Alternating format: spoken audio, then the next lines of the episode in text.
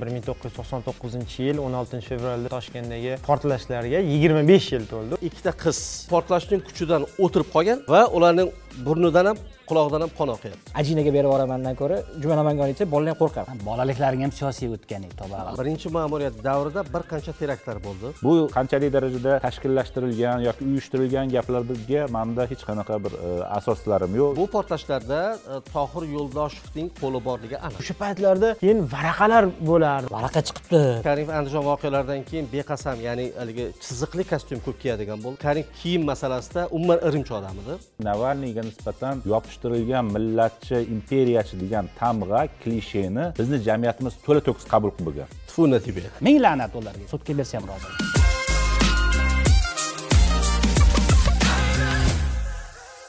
assalomu alaykum hurmatli do'stlar qadrdonlar. Biz lolazor podkastini o'n uchinchi sonidamiz. E, bugun biz e, ushbu songa ajoyib mehmon chaqirganmiz. E, siyosatshunos e, ko'pchilik yaxshi biladigan e, o'zini jamiyatshunoslik bilan bog'liq judayam ko'plab ajoyib fikrlari bilan taniqli bo'lgan inson kamoliddin rabbimov. Assalomu alaykum kamoliddin aka. Alaykum assalom xush kelibsiz? Taklifimizni Rahmat. e, rad etmasdan rozi bo'lganingiz uchun. Boshida rad ham etdingiz lekin? E, bilmasam ya'ni hali bu suhbatga ya'ni yoshi kattalar chiqqan yaxshiroq degan bir nimaga pozitsiyada shunaqa dedingiz rostdan ham. Yo endi masalan siz bizga bizga nam yo'qmidi bu? Ha. Yo yo yo yo endi otabekaga masalan, ham yo'qmidi bu? So- sobiq hokim va prezidentni sobiq matbuot xizmati boshlig'idan keyin qandaydir ko'chadagi siyosatshunos chiqsa unchalik to'g'ri bo'lmaydimi degan bir fikr ham bor edida kamtarsiz kamtarsiz. Endi ilgada ilgada mana bu iqtidorda bo'lgan odamlarni fikridan tashqari va shu iqtidordalarni kuzatgan odamlarni fikri ham va ularni tashqaridan yoki umuman ichkaridan kuzatgan yaxshi siz ham odamlar sobiqsiz demayapsiz. Fikri, e, bizga qiziq aka har doim. Albatta. E, bugun biz e, ko'plab mavzular haqida suhbatlashishni niyat qilganmiz. Shulardan birinchisi eng avvalo bu shu kunlarda ya'ni kuni kecha o'n oltinchi fevral voqealariga ya'ni bir ming to'qqiz yuz to'qson to'qqizinchi yil o'n oltinchi fevralda sodir bo'lgan toshkentdagi o'sha portlashlarga yigirma besh yil to'ldi o'ziga xos bir yubiley. Shu haqda biz e, bir gaplashmoqchi edik a otabek aka bu bo'yicha. Ha e, endi e, hozir e, yoshlar haqida gapirdingiz. E, hozir to'qson to'qqizinchi yil o'n oltinchi fevral haqida gap ketganda e, esini tanigan e, ancha muncha e, voqealarni tushunadigan yoshda bo'lganman. Talaba edik agar adashmasam uchinchi kursda o'qiyotgan paytimiz bo'lgan. Tushdan keyin o'qir edikda o'quv nimamizni fakultetimizni korpusi aynan o'sha portlash bo'lgan milliy bankga bir ikki yuz metr safisiy ko'cha deyilardi husniddin asomov yangi nomi E, hozirgi halqa yo'li ko'chasini burchagida rashidov ko'chasi bilan kesishgan joyda o'qir edik e, o'n bir yarimda o'qish boshlanardi. E, yoki birda boshlanardi. Ikkinchi smena o'qir edik chunki auditoriya yetishmasdi. Shu o'n birlarda chiqib ketayotgan paytimda chilonzor o'n sakkizinchi kvartirada yashardim. Chiqib ketayotgan payti eshikni quplayotgan payti quplayotgan payti aytganda gumburlash ovozi eshitganman. Endi u paytda metro qurilardida metro qurilgan paytda e, shu yunusobod liniyasi portlash ishlari amalga oshiriladi. Shulardan biri bo'lsa kerak deganmanda borganimda tushunib yetganman. Institutga yetib borganman institutga yetib borganda o'n birinchi trolleybusda. Ha o'n birinchi trolleybusda to'g'ri aytyapsiz. E, to'kilib bo'lgan institutda bu butun oynalar to'kilib bo'lgan yaqinligi uchun va bizga aytganki e, institut ma'muriyati hamma talabalarga uylarga boringlar bugun o'qish bo'lmaydi deb degan haqiqatdan o'qish sharoiti yo'q edi chunki oynalar to'kilib ketgan juda ko'p e, tashqi. milliy bankni oldidagi portlash o'sha yerdagi anaqani ha ha xuddi shunaqa. E, va e, qarangki zamonda qarangki biz studentlar kursdoshlar bir nechtamiz shu portlash bo'lgan joylarni borib aylanib chiqqanmiz. Birinchi milliy bankni oldiga borganmiz undan keyin nodira O'sha begim o'sha kunni o'zi o'sha soatda tramvayga o'tirib qiziqqonlik o'shanda ham bo'lgan. Qiziqqonlik bo'lgan ha.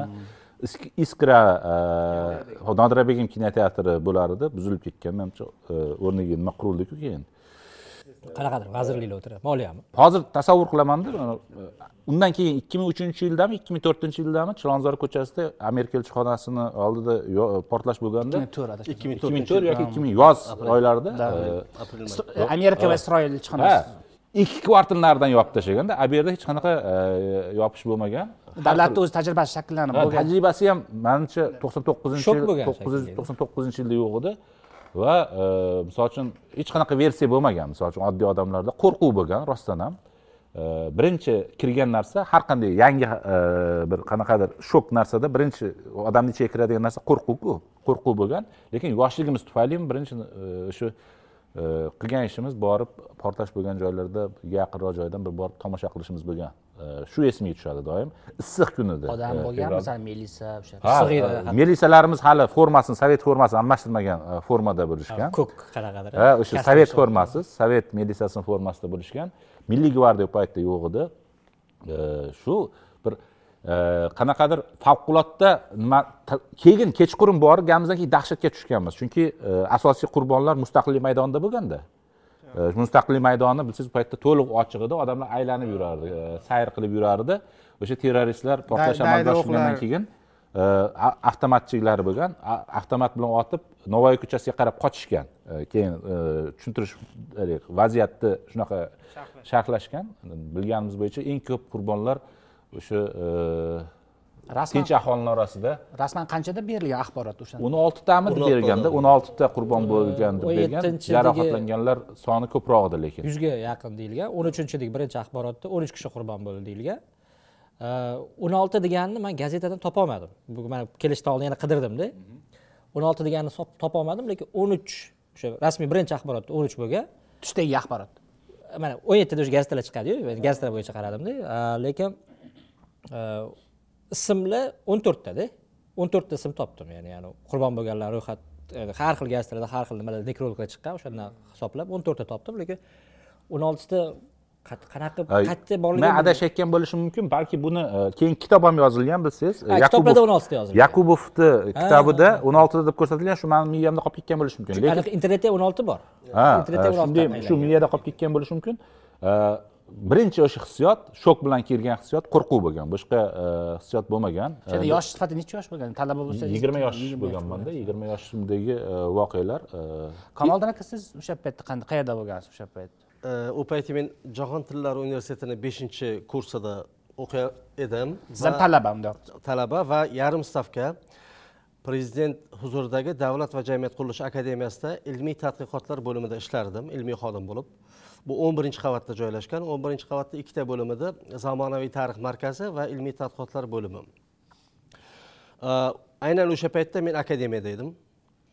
Adashmasam birinchisi o'sha milliy bank yonidagi portlash bo'ldi. Undan sal keyinroq biroz o'tib bir necha minutlardan keyin o'sha e, vazirlar mahkamasi huzuri ya'ni oldidagi joyda portlash bo'ldi. Va esimda bor e, bizda o'sha akademiyada davlat va jamiyat qurilishi akademiyasida adashmasam to'rttami beshta lift bor. Hech kim liftni kutmadi chunki portlash bizga juda yam qattiq eshitildi. Va hamma ikkita zinapoyadan tushib boshladi. Qarasak hamma zinapoyadan tushyapti. Zinapoyadan portlashdan keyin. Birinchi va ikkinchi etajdagi qavatdagi e, oynalarni hammasi singandi tepa qavatlar sinmagan. Ya'ni o'sha e, portlashning to'lqini birinchi va ikkinchi qavatdagi oynalarni hammasini sindirgan. Uzun koridor bor yo'l yoqasida. U oynalar ham singandi. Keyin biz akademiyadan tashqariga chiqdik. Akademiyadan vazirlar mahkamasigacha taxminan 500 metr chiqadi yo chiqmaydi? Э, vazirlar mahkamasi tomonidan yaxshi kiyingan kostyum shimli rahbar odamlar ko'rinib turibdi. Birovni qulog'ida qon oqyapti birovni burunlarida qon oqqan ranglari oqarib ketgan odamlar ikkita uchta sekin sekin kelib boshladi. Keyin men qiziqdim. Va vazirlar mahkamasi tomon yurib boshladim. Nima bo'lganligini hali hech kim bilmaydi. Hali hech kim bizga aytgani yo'q bu terakt yoki portlash bo'ldi deb. Men endi yugurib o'sha vazirlar mahkamasi yoniga bordim. Portlagan joyini o'zim ko'zim bilan ko'rganman. Mana shu yaqindan ko'rganman. Militsionerlar endi kelib boshlayapti. Esimda bor hozirgi e, o'sha oldingi hozirgi administratsiya oldin e, senat ham bo'ldi. Uni o'rnida e, alisher navoiy nomli kutubxona bor edi. O'shani yonida ikkita qiz esimda qolib ketgan epizod. Ikkalasi ham portlashning kuchidan o'tirib qolgan hali joyidan turolmayapti. Va ularning burnidan ham qulog'idan ham qon oqyapti. Keyin menga qarab bir e, semizgina militsioner yugurib kelayotganda menda endi prezident akademiyasining xu- nimasi bor? Удостоверениесі tepasini o'qiydi pastini o'qimasa ha shunda endi ochayotgandim orqasiga qaytib ketdi. O'zimiz odam ekan deb o'yladi endi kim bildi kim bilsin u balkim bir davlat organidan odam deb o'ylaganman lekin o'sha yerni ko'rdim va o'zim ham biroz vahimaga tushdim. Taxminan u yerda besh minutmi yetti minutmi bo'ldim vaziyatni ko'rdim va akademiyaga qaytib ketdim men. O'sha yerni yaxshi eslayman. Qarang e, hozir bino oldigacha bordingiz e, bor u yerda hamma qiy chuv qilib yotibdi. Endi qizlardan tashqari yo'q yo'q. bu yoqda o'lganlarni ko'rganim yo'q men. O'lganlarni ko'rganim yo'q. Moshinalar endi kelyapti. Hamma tomon o'sha katta katta e, beton plitalar hovliga o'rnatilgan edi o'shani ochilib yotibdi. Mana o'sha Ha, aytib ketish kerak u paytda mustaqil maydoni to'liq plita maydon edi rosmana maydonda hozirgi o'xshagan yashil zona bo'lmagan. Va o'sha e, portlash taxminan vazirlar mahkamasi binosidan e, yigirma metrmikin o'n besh metrlarmikin ya'ni juda yam yoniga borolmagan baribir. Shundan garaj e, o'q hisobida ovozichi yo'q o'q ovozini men eshitganim yo'q. Otishma bo'lgan deyishadi. Yo'q otishma bo'lganligini men eshitganim yo'q. E, masalan siz taxminan necha minut haqida gapiryapsiz? Portlashdan keyin balkim o'n besh minut yigirma minutlarda Ha, keldim yugurib borib nima Ha.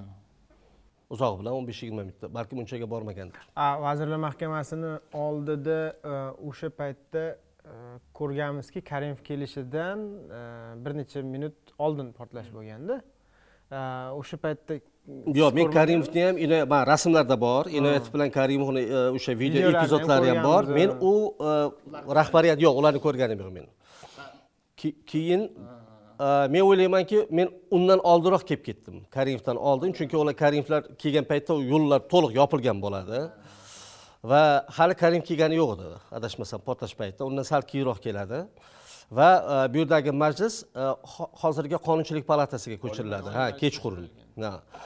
Uni epizodni yaxshi ko'rganman. O'shanda birinchi marta inoyatovni gapirganlarini ovozini eshitgandik. Topamiz jazolaymiz degan bir bayonotlar qattiq bayonotlar bo'lganda. Muhrim sanchi nima eslaysanmi? Va to'qqiz yarim yosh bo'lganman lekin man anavi eshitganmanda man musiqa darsiga borardim. Anavi bu anavi chilonzor savdo markazini orqa tomonidagi kvartalda maktab bilan musiqa maktabi yonma yon edi kanalni bo'yida. O'sha yoqqa kirib ketayotganimda portlash eshitganman lekin keyin mana keyinroq man katta bo'lganimdan keyin o'ylaganman qaysi portlash manga eshitilganda E, katta ehtimol o'sha anavi mvdni oldidagisi yo'q anavi abdulla qahhor ko'chasidagi eshitilganmi shunchalik mana hozir aytyapsizlar besh yuz metr почти uzoq shuncha uzoq joydagi portlashlar to'lqini oynalarni sindirib tashlagan boshqa do'stlarku balki shunaqa eshitilgandir. И mani esimda qolgan narsa endi darsdan chiqib спокойный dars bo'lgan musiqa darsimiz bo'lgan keyin maktabga borganman ikkinchi smenga borsam ani sinfdoshlarimni ota onalari olib ketyaptida. Kelgan endi kelgan lekin o'sha ota onasi kelib olib ketyapti.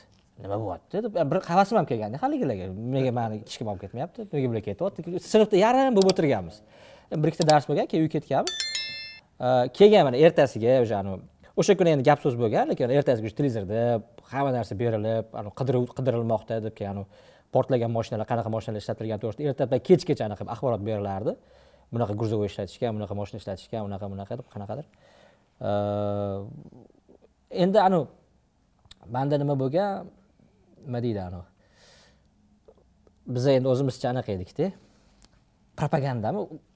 Matbuotni kuzatsangiz ham o'sha paytdagi prezidentga suiqasd deb anaqa qilinganku bu. И prezidentni prezidentga nisbatan haligi mehr muhabbatni oshirish uchun manimcha zo'r foydalanilganda undan propaganda boshqa hammasi zo'r ishlagan. Anavi ani gazetalar o'qisangiz ham hamma bizani xudo bir asradi shundoq bo- yurtboshimiz asrab qoldi tirik qoldilar degan narsa. Bizani mehr muhabbatimiz oshib ketgan prezidentimizga. Ya'ni jabr keyin yaxshi ko'rganmiz. Juda omadimiz keldi deb. Kichkina edi o'quvchi paytimizda masalan bu to'qqiz yarim yosh bo'lsam yo'q. To'qson to'rtinchi sinf beshinchi sinf. To'rtinchi besh yoshdan borgansizlar sizlarni favqulodda talant egalari yo'q yo'q yetti yoshdan chiqqanman men и anaqa aytdingizku hozir hech qanaqa отопление bo'lmagan bemalol kirib borib ko'rsa bo'lardi. O'zi shu to'qson to'qqizinchi yilda keyin oxirida noyabrda anaqa bo'lganku angrenga. Nima qilish angrenga tushib kelishgan bir yo'q уже ikki minginchi yil edi bu. Yo'q to'qson to'qqiz noyabrda bo'lgan to'qson to'qqiz noyabrda angrenga bostirib kirish to'qson to'qqiz noyabrda bo'lgan. O'shanda ham anavi o'sha paytda manimcha qanaqadirchi tayyorgarlik bo'lmagan hech qanaqa. O'ylayman anavi o'sha militsiya bo'yicha ham maxsus xizmatlar bo'yicha ham.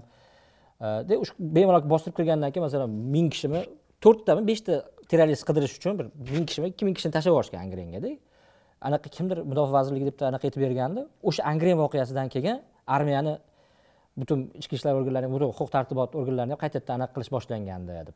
Har bir fojia albatta saboq bo'laverganda endi shuni qandaychi men eslayman u paytda beshinchi sinf bo'lganman va maktabdan kelgan paytim e, obed paytida e, shaytanat seriali qo'yilardi.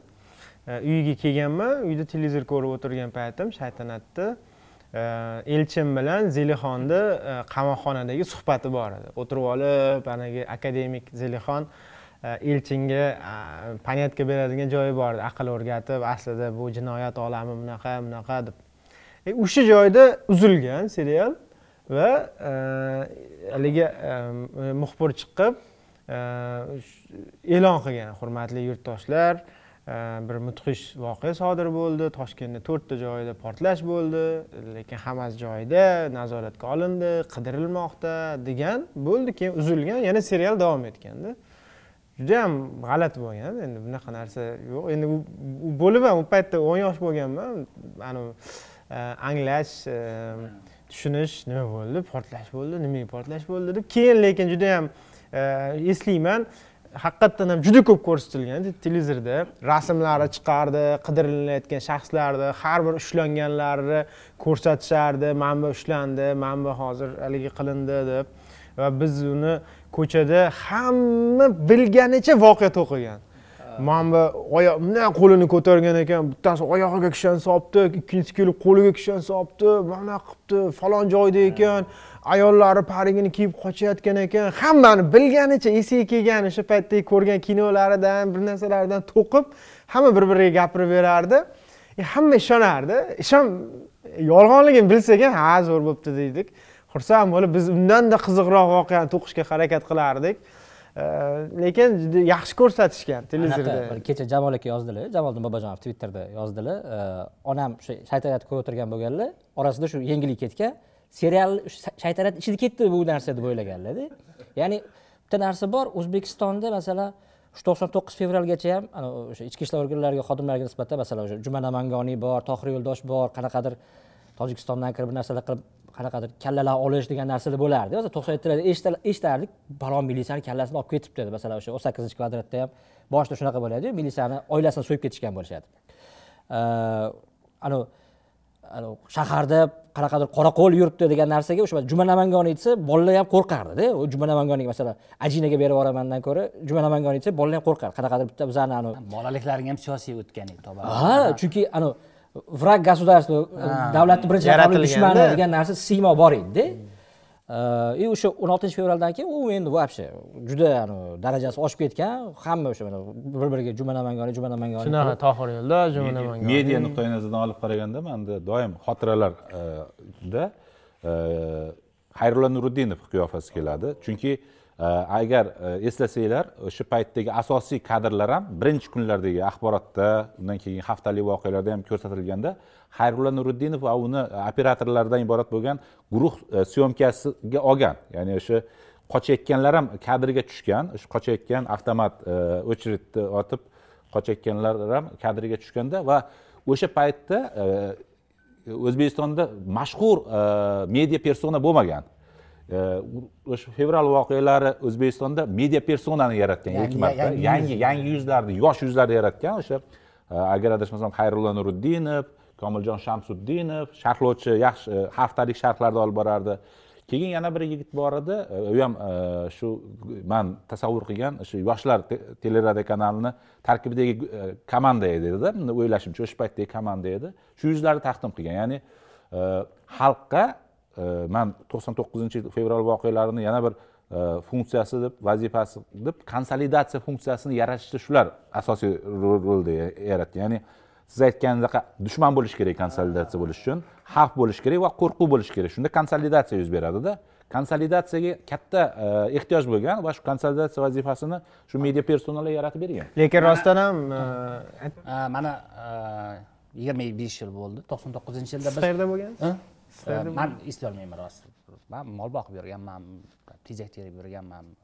Haqiqatda eslolmayman birinchi axborotda ko'rganimda ham eslolmayman shu toshkentga kelib man arxivlarni ko'rib o'qigan bo'lsam bilaman shunaqa voqea bo'lganligini но qanaqadir hech narsani eslay olmayman va jamol aka eslaganimcha shu to'qson to'qqizgacha aytyapman kalla olishlar boshqalar bo'lishi kerakku lekin tinch bo'lganda o'zbekistonda shunaqa narsa bo'lishi mumkinligi manimcha tasavvur qilinmagan o'shaning uchun onaxonam serial ichida o'tib ketdi bu o'sha narsa deb o'ylaganlarda lekin e, rostdan ham e, anavi e, islom karimovga nisbatan juda katta simpatiya paydo bo'lgan. Ayniqsa o'sha axborotlarda ko'rsatganku intervyu berib turganda orqada portlaydi. Yana bitta portlash bo'ladi. ha hamma vahimaga tushib qolsa e qo'rqasanlar anavi boshini qo'lini ham kesib tashlaydi haligi pinagini ham buzmaydiku. Buni rosa gapirib berganmiz bir birimizni ko'rdinglarmi voy mana bunaqa yonidagilarchi qo'ydi borku. Lekin anavi вообще qilmadi. Umuman pinagini zo'r prezidentimiz borda deb urushib berdi yonida hozir buni gapirsang manda minus bosiladi. Plyus man rakursni boshqa joyga olmoqchiman. Yigirma besh yil o'tdi. Mana yigirma besh yildan keyin bu voqeaga qanday qarayapsizlar? O'zi o'sha paytdagi voqeaga. O'zi ko'p narsani ichkari tarafdan ham bilasiz qamoliddin aka ko'p mish mishni ham ko'rdingiz o'zingiz haqiqat deb bilgan bitta narsalar ham bor. Ya'ni eng ko'p savol bu sahnalashtirilgan edi birinchi qo'yiladigan narsa.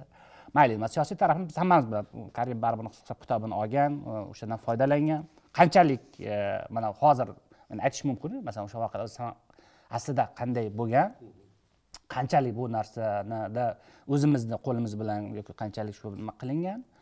Va bugun o'zingiz qanaqa umuman o'zbekistonni rivojlanish yoki rivojlanmaslik trayektoriyasidagi o'rniga qanday baho berasiz? Ho'p. Qarang.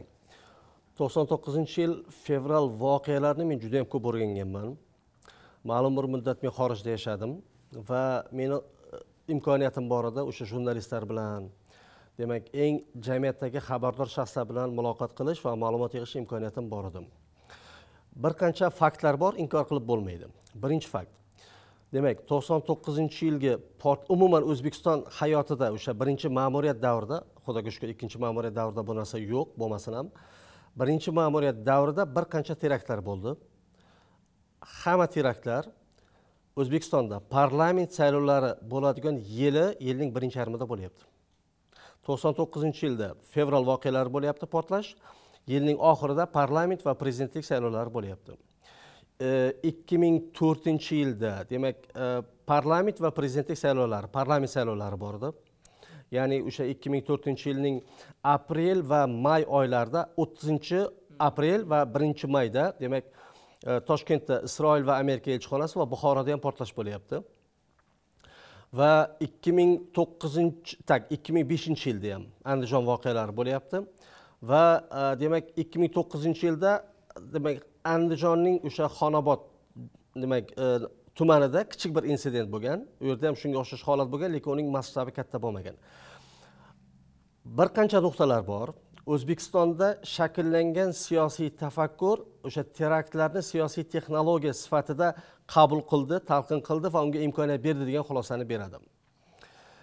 Ikki ming demak ikkinchi yilda o'zbekiston qamog'ida bo'lgan ba'zi bir shaxslar intervyu beradi. Bilasiz xalqaro jurnalistlar u paytda ikki minginchi yillarda ya'ni ikki ming beshinchi yilgacha o'zbekistonda ozodlik ham bbc ham amerika ovozini ham ofislari bor edi. Hattoki amerika ovozi fm to'lqinida radio berardi va hattoki ba'zi bir viloyatlarda viloyatlarda ham jurnalistlari bor edi.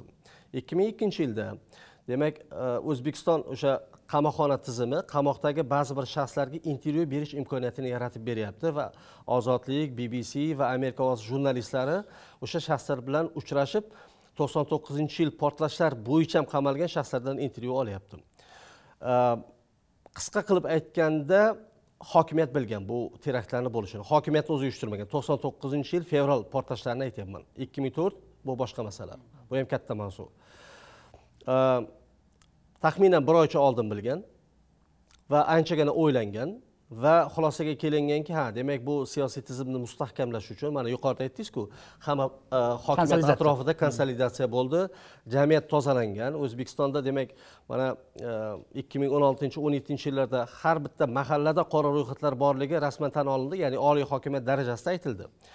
Ungacha ham xuddi shunday qora ro'yxatdagi shaxslarni hammasi o'sha e, fevral portlashlardan keyin qamoqqa olingan nazoratga olingan nima qilingan? Ya'ni o'zbekistonda qattiq avtoritarizmning ya'ni mo'tadil avtoritarizmdan qattiq avtoritarizmga o'tish davri o'sha e, meni nazarimda fevral portlashlari bilan bog'liq.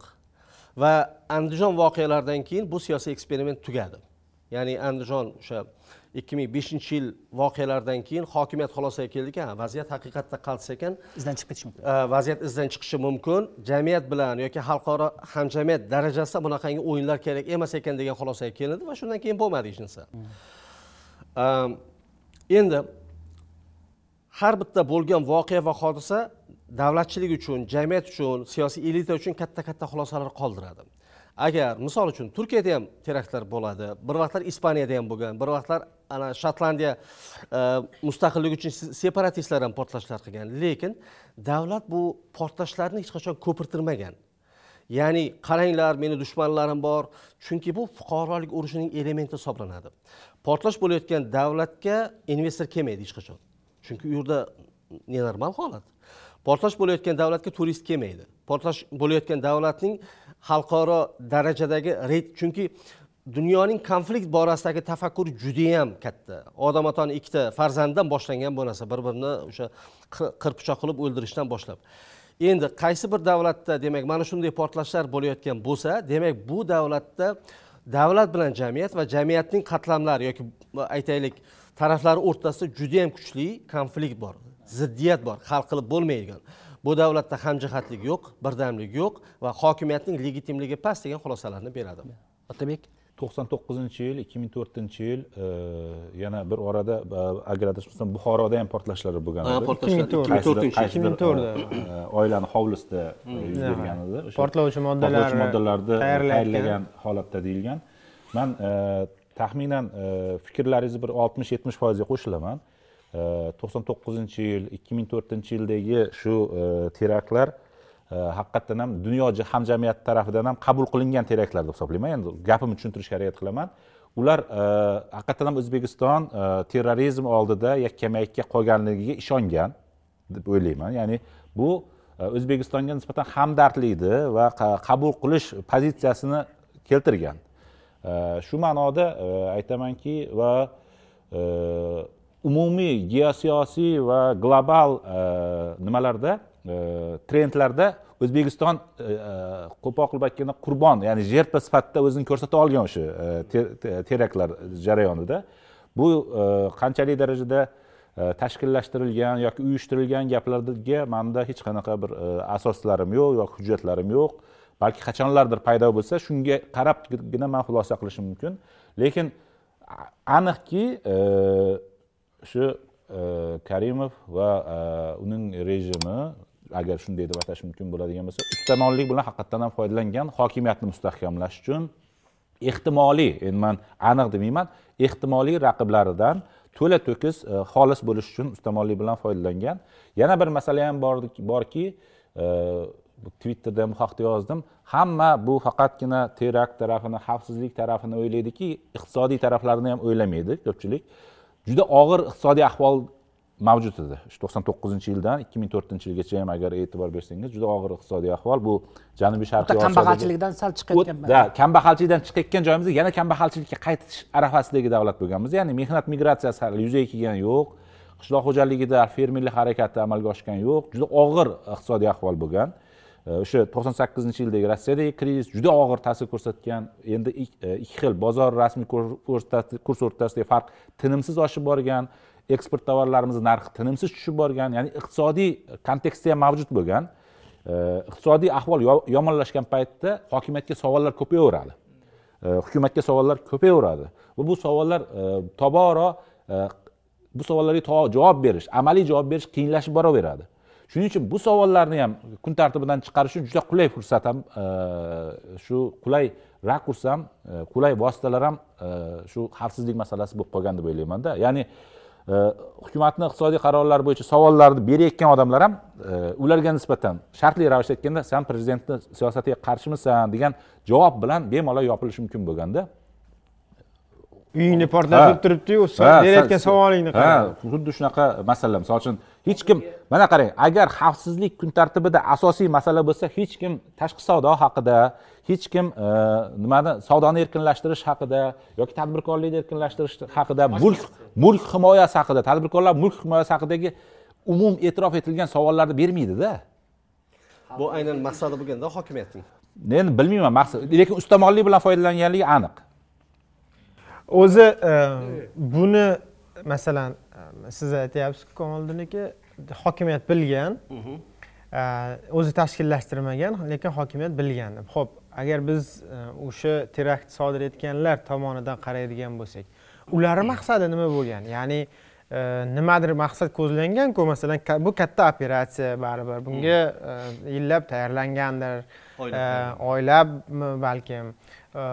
Va bir nechta nuqtalar belgilangan o'zlaricha masalan o'tirib olib baribir nuqtalarni belgilashgan bir ikki uch to'rt deb. Ya'ni bu qanaqadir operatsiya bo'lgan. Ho'p bundan maqsad nima ularni maqsadi nima bo'lgan qarang. Demak yig'ilgan ma'lumotlar bor. O'sha intervyu va boshqa juda yam ko'plab juda yam ko'plab ekspertlar bu haqida maqolalar yoki dokladlar ham yozilgan va ulardan bitta xulosa kelib chiqadi. To'qson oltinchi yilda o'zbekistonda taniqli e, imom e, abduvali qori qamoqqa olinadi. Ya'ni u e, adashmasam rossiya federatsiyasining qozon shahriga bir islomiy konferensiyaga uchib ketayotgan bo'ladi.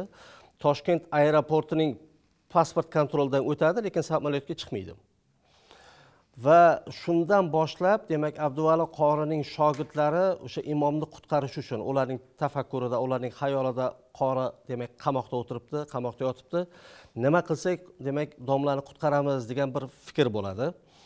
Va ular boshida demak e, chechenistondagi separatistlar e, demak adashmasam yoki e, johar dudayevmikin yoki shunga o'xshagan shaxslar dudayev уже vafot etgandi u paytda. Yandarbeyev bo'lishi kerak. Yo'q yo'q yo'q. Yandarbeyev emas edi. O'sha nimalarga jangarilar boshliqlarga boradi. Shu masalada bizga qanday yordam yoki maslahat berasizlar deganda ular aytadiki biz o'zbekistonni bilmaymiz. Yaxshisi sizlar afg'onistonga tohir yo'ldoshga boringlar deydi. Ya'ni bu portlashlarda e, tohir yo'ldoshevning qo'li borligi aniq. Ya'ni u inkor qilinmaydi. Uni zayniddin asqarov ham o'zining intervyusida aytgan va ular demak afg'onistonga o'sha chechenistondagi kontaktlar orqali afg'onistonga borgandan keyin ular aytadiki yagona bitta xulosaga keladiki o'sha qamoqdagi odamlarni chiqarish uchun agar davlat rahbari yo'qotiladigan bo'lsa demak tabiiy ravishda siyosat o'zgaradi va ichkaridagilar qamoqqa chiqadi degan xulosaga keladi. Va mana shu operatsiya tayyorlanadi va unga to'y deb nomlashadi. Ya'ni to'yni oldingidan ham ko'ra kattaroq qilmoqchimiz degan. Lekin o'sha turkmanistonni chegarasidan o'tayotganda o'sha mm, demak fevralning o'n oltinchi fevraldan asli yanvar oyining oxirlarida portlash kerak bo'ladi. Keyin biroz keyinga ko'chiriladi. Chunki portlovchi moddalarni yig'ish ularga oson bo'lmaydi qiynalishadi. Chunki eski mashinalarni sotib oladi eski volgalarni sotib oladi. Keyin portlovchi moddalarni e, o'sha katta hajmda portlovchi moddalarni yig'ish ularga qiyin bo'ladi va fevralning o'rtalariga ko'chiradi. Lekin ular adashmasam o'sha dekabrning oxirlarida yoki yanvar oyining boshlarida qo'lga tushgan. Ikkita odam. Va turkmaniston chegara xizmati o'ylaydiki bular qo'limizga narkotik moddalar bilan savdo qiluvchi o'zbekistonliklar qo'lga tushdi deb o'ylaydidagi bizning e, davlat endi milliy xavfsizlik xizmatiga telefon qiladi. Biznikilar borib kelib keyin ulardan so'roq qilishsa boshida sal kuch ishlatib so'roq qilishadi. Keyin ular ma'lumotni bergandan keyin bizning vazirlar mahkamasida falonchi pistonchi odamlarimiz bor. Bunaqa bunaqa ishlarni rejalayapmiz desa tekshirib ko'rsa hammasi to'g'ri chiqadi. Ya'ni ulug'bek boboqulov haqiqatdan vazir bobojonovmi boboqulovmi boboqulov adashmasam ya'ni boshqa shaxslarni tekshirib ko'radi hammasi to'g'ri chiqadi. Keyin buni yugurib davlat rahbariga olib kirishadi va o'ylaydidagi mayli qilaversin bizga to'g'ri kelar ekan bu narsa deydi. Chunki e, bilasizmi siyosiy tafakkur degan narsa bu juda yam muhim narsa. Ya'ni masalan hozirgi paytda dunyo davlatlari bunaqangi primitiv bunaqangi qo'pol o'yin qilishmaydida ya'ni ya'ni har bitta bo'lgan katta xato bu davlatning davlatchilikning katta bir mulki ham hisoblanadi. Chunki bir vaqtlar shunday qilib ko'rdik va nimalarga olib kelganini ko'rdik. Ya'ni o'zbekiston mintaqada o'zining geosiyosiy maqomini yo'qotdi. Chunki tashqi dunyo markaziy osiyoda o'zbekistonni emas qozog'istonni asosiy lideri. Aynan o'sha fevral portlashlaridan boshlandi bu jarayon va andijon voqeasi bilan to'liq nuqta qo'yildi xalqaro hamjamiyat to'liq markaziy osiyoning lideri sifatida o'zbekistonni ko'rishdan to'xtadi. Hattoki zbignev brzezinskiy ham o'zini intervyusida bergandi chunki to'qsoninchi yillarda zbignev brzezinskiy aytgandiki markaziy osiyoning lideri o'zbekiston degandi. Chunki qozog'istonning ikkita katta minusi bor. Dunyodagi eng uzun chegara bu yetti yarim ming kilometr aholisining yarmi rusiy zabonlar. Bu davlat hech qachon rossiyaning orbitasidan bu yaqin yarim bir asrda chiqa olmaydi degandi. Lekin kutilmaganda o'zbekistonning ketma ket xatolaridan keyin zbignev bжезинский aytdiki "E, nazarboyev misli ko'rilmagan diplomat ekan dedi. Ya'ni primitiv deyapsizu masalan erdo'g'an постоянно hozirgacha shunaqa narsalar qo'llaydiku masalan. yo'q erdo'g'an o'zi uyushtirmaydi uni. Erdo'g'an uni qo'llab quvvatlamaydi va e, turkiya ommaviy axborot vositalari o'sha teraktlarning e, hajmini uni propaganda qilmaydi pasaytiradi. Bunga ekspert bo'lsangiz qarangda bitta xabarni bir marta aytish mumkin o'n marta aytish mumkin yoki yuz marta aytish mumkin. Bir marta aytsangiz u umuman xabar bermagan bo'lasiz. Yuz marta aytsangiz buni oshirib toshirgan bo'lasiz.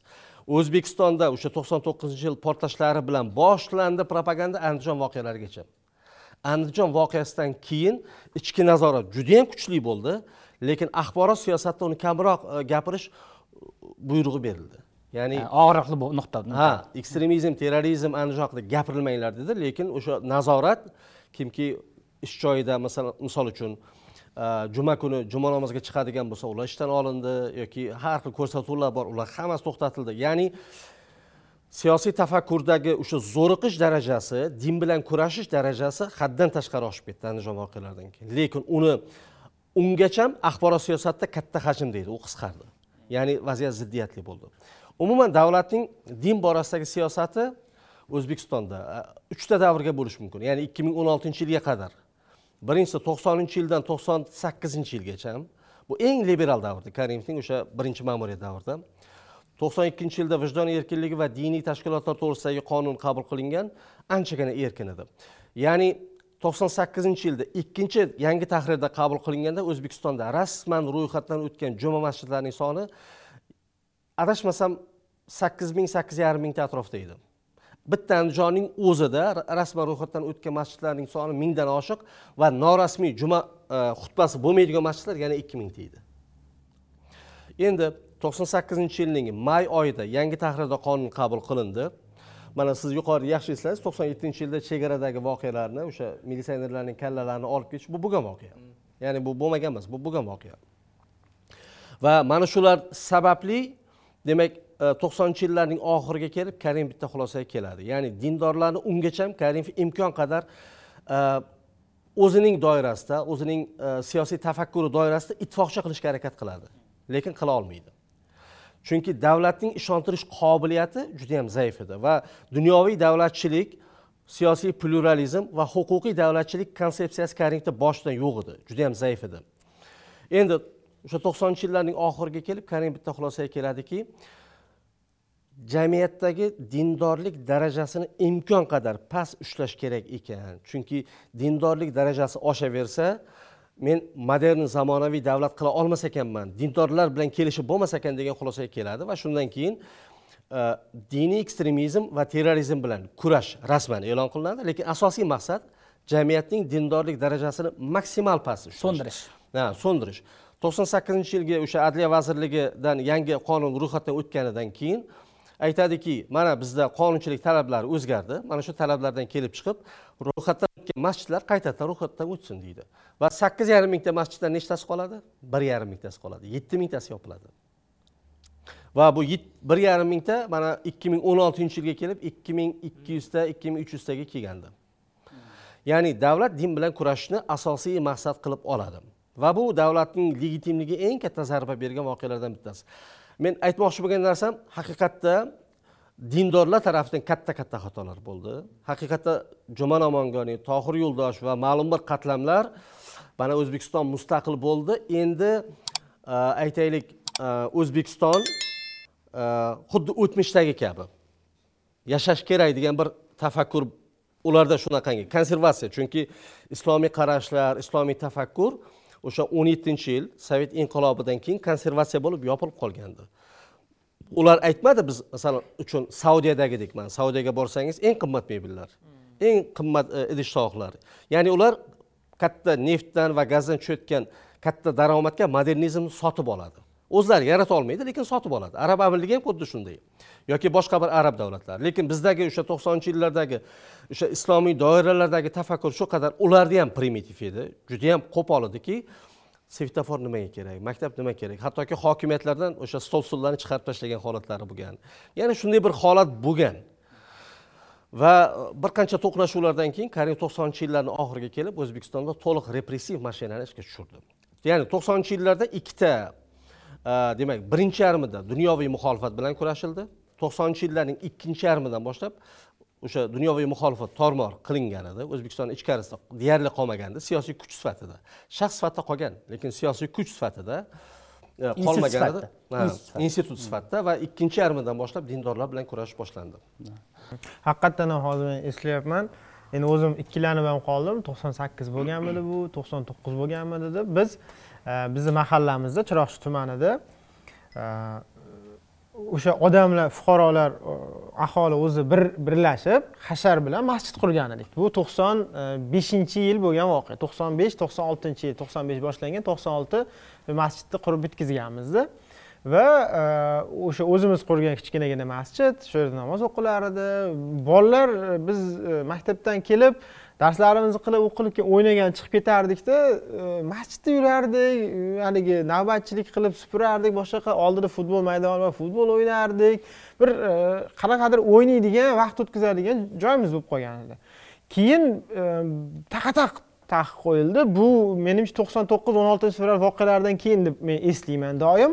Endi hozir ikkilanyapman balki to'qson sakkizdagidan 98 yilda bo'lishi mumkin. Qonun 98 mumkin. yil. qonun yangi tahrirda shundan bo'lishi mumkin ya'ni to'qson sakkizinchi yil may oyida. aytmoqchimanki masjidimiz qolgan namoz o'qish davom etgan lekin bolalar o'n sakkiz yoshgacha bo'lganlar birortasi qadam bosmaydigan bo'ldi. Ya'ni bizga butunlay taqiq qo'yildi. Shunda o'zi shu mahallamiz ichidagi masjid lekin biz e, absolyut ravishda qaytib kirmadik u bolalik davrida.